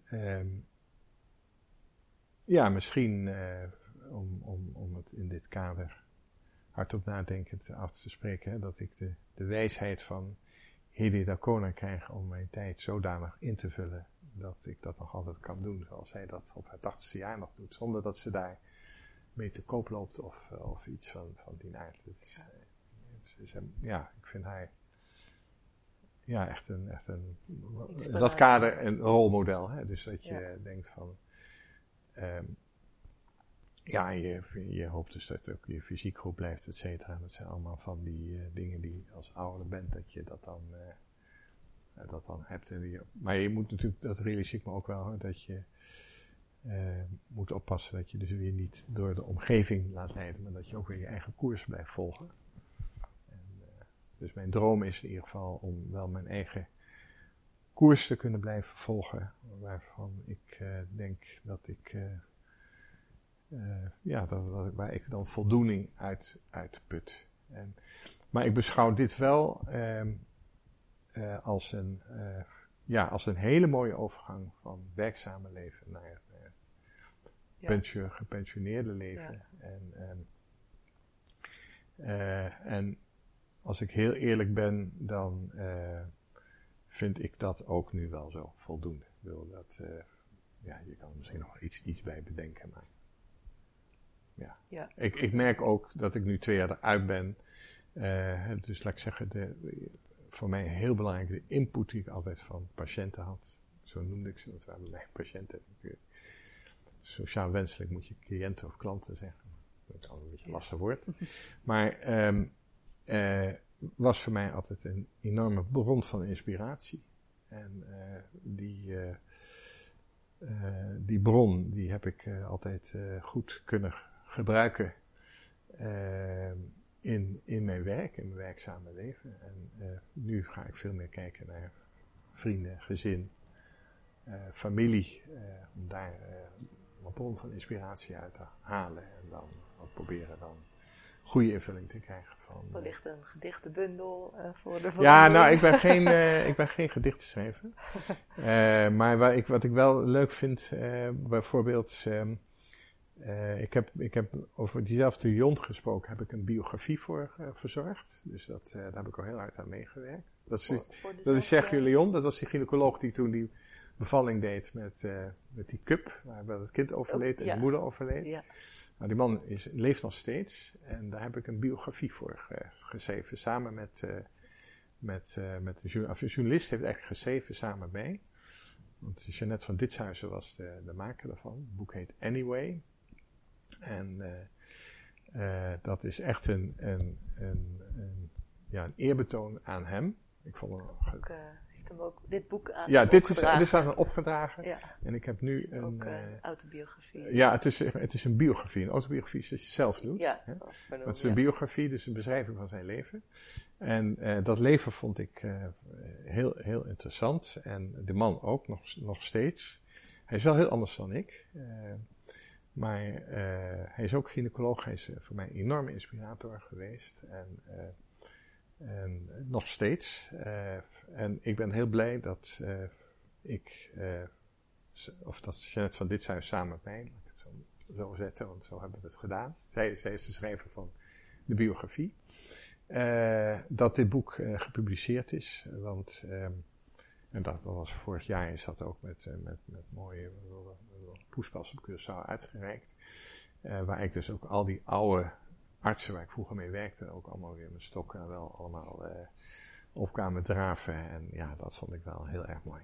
Dus, dat, dus um, ik zit wel eens te denken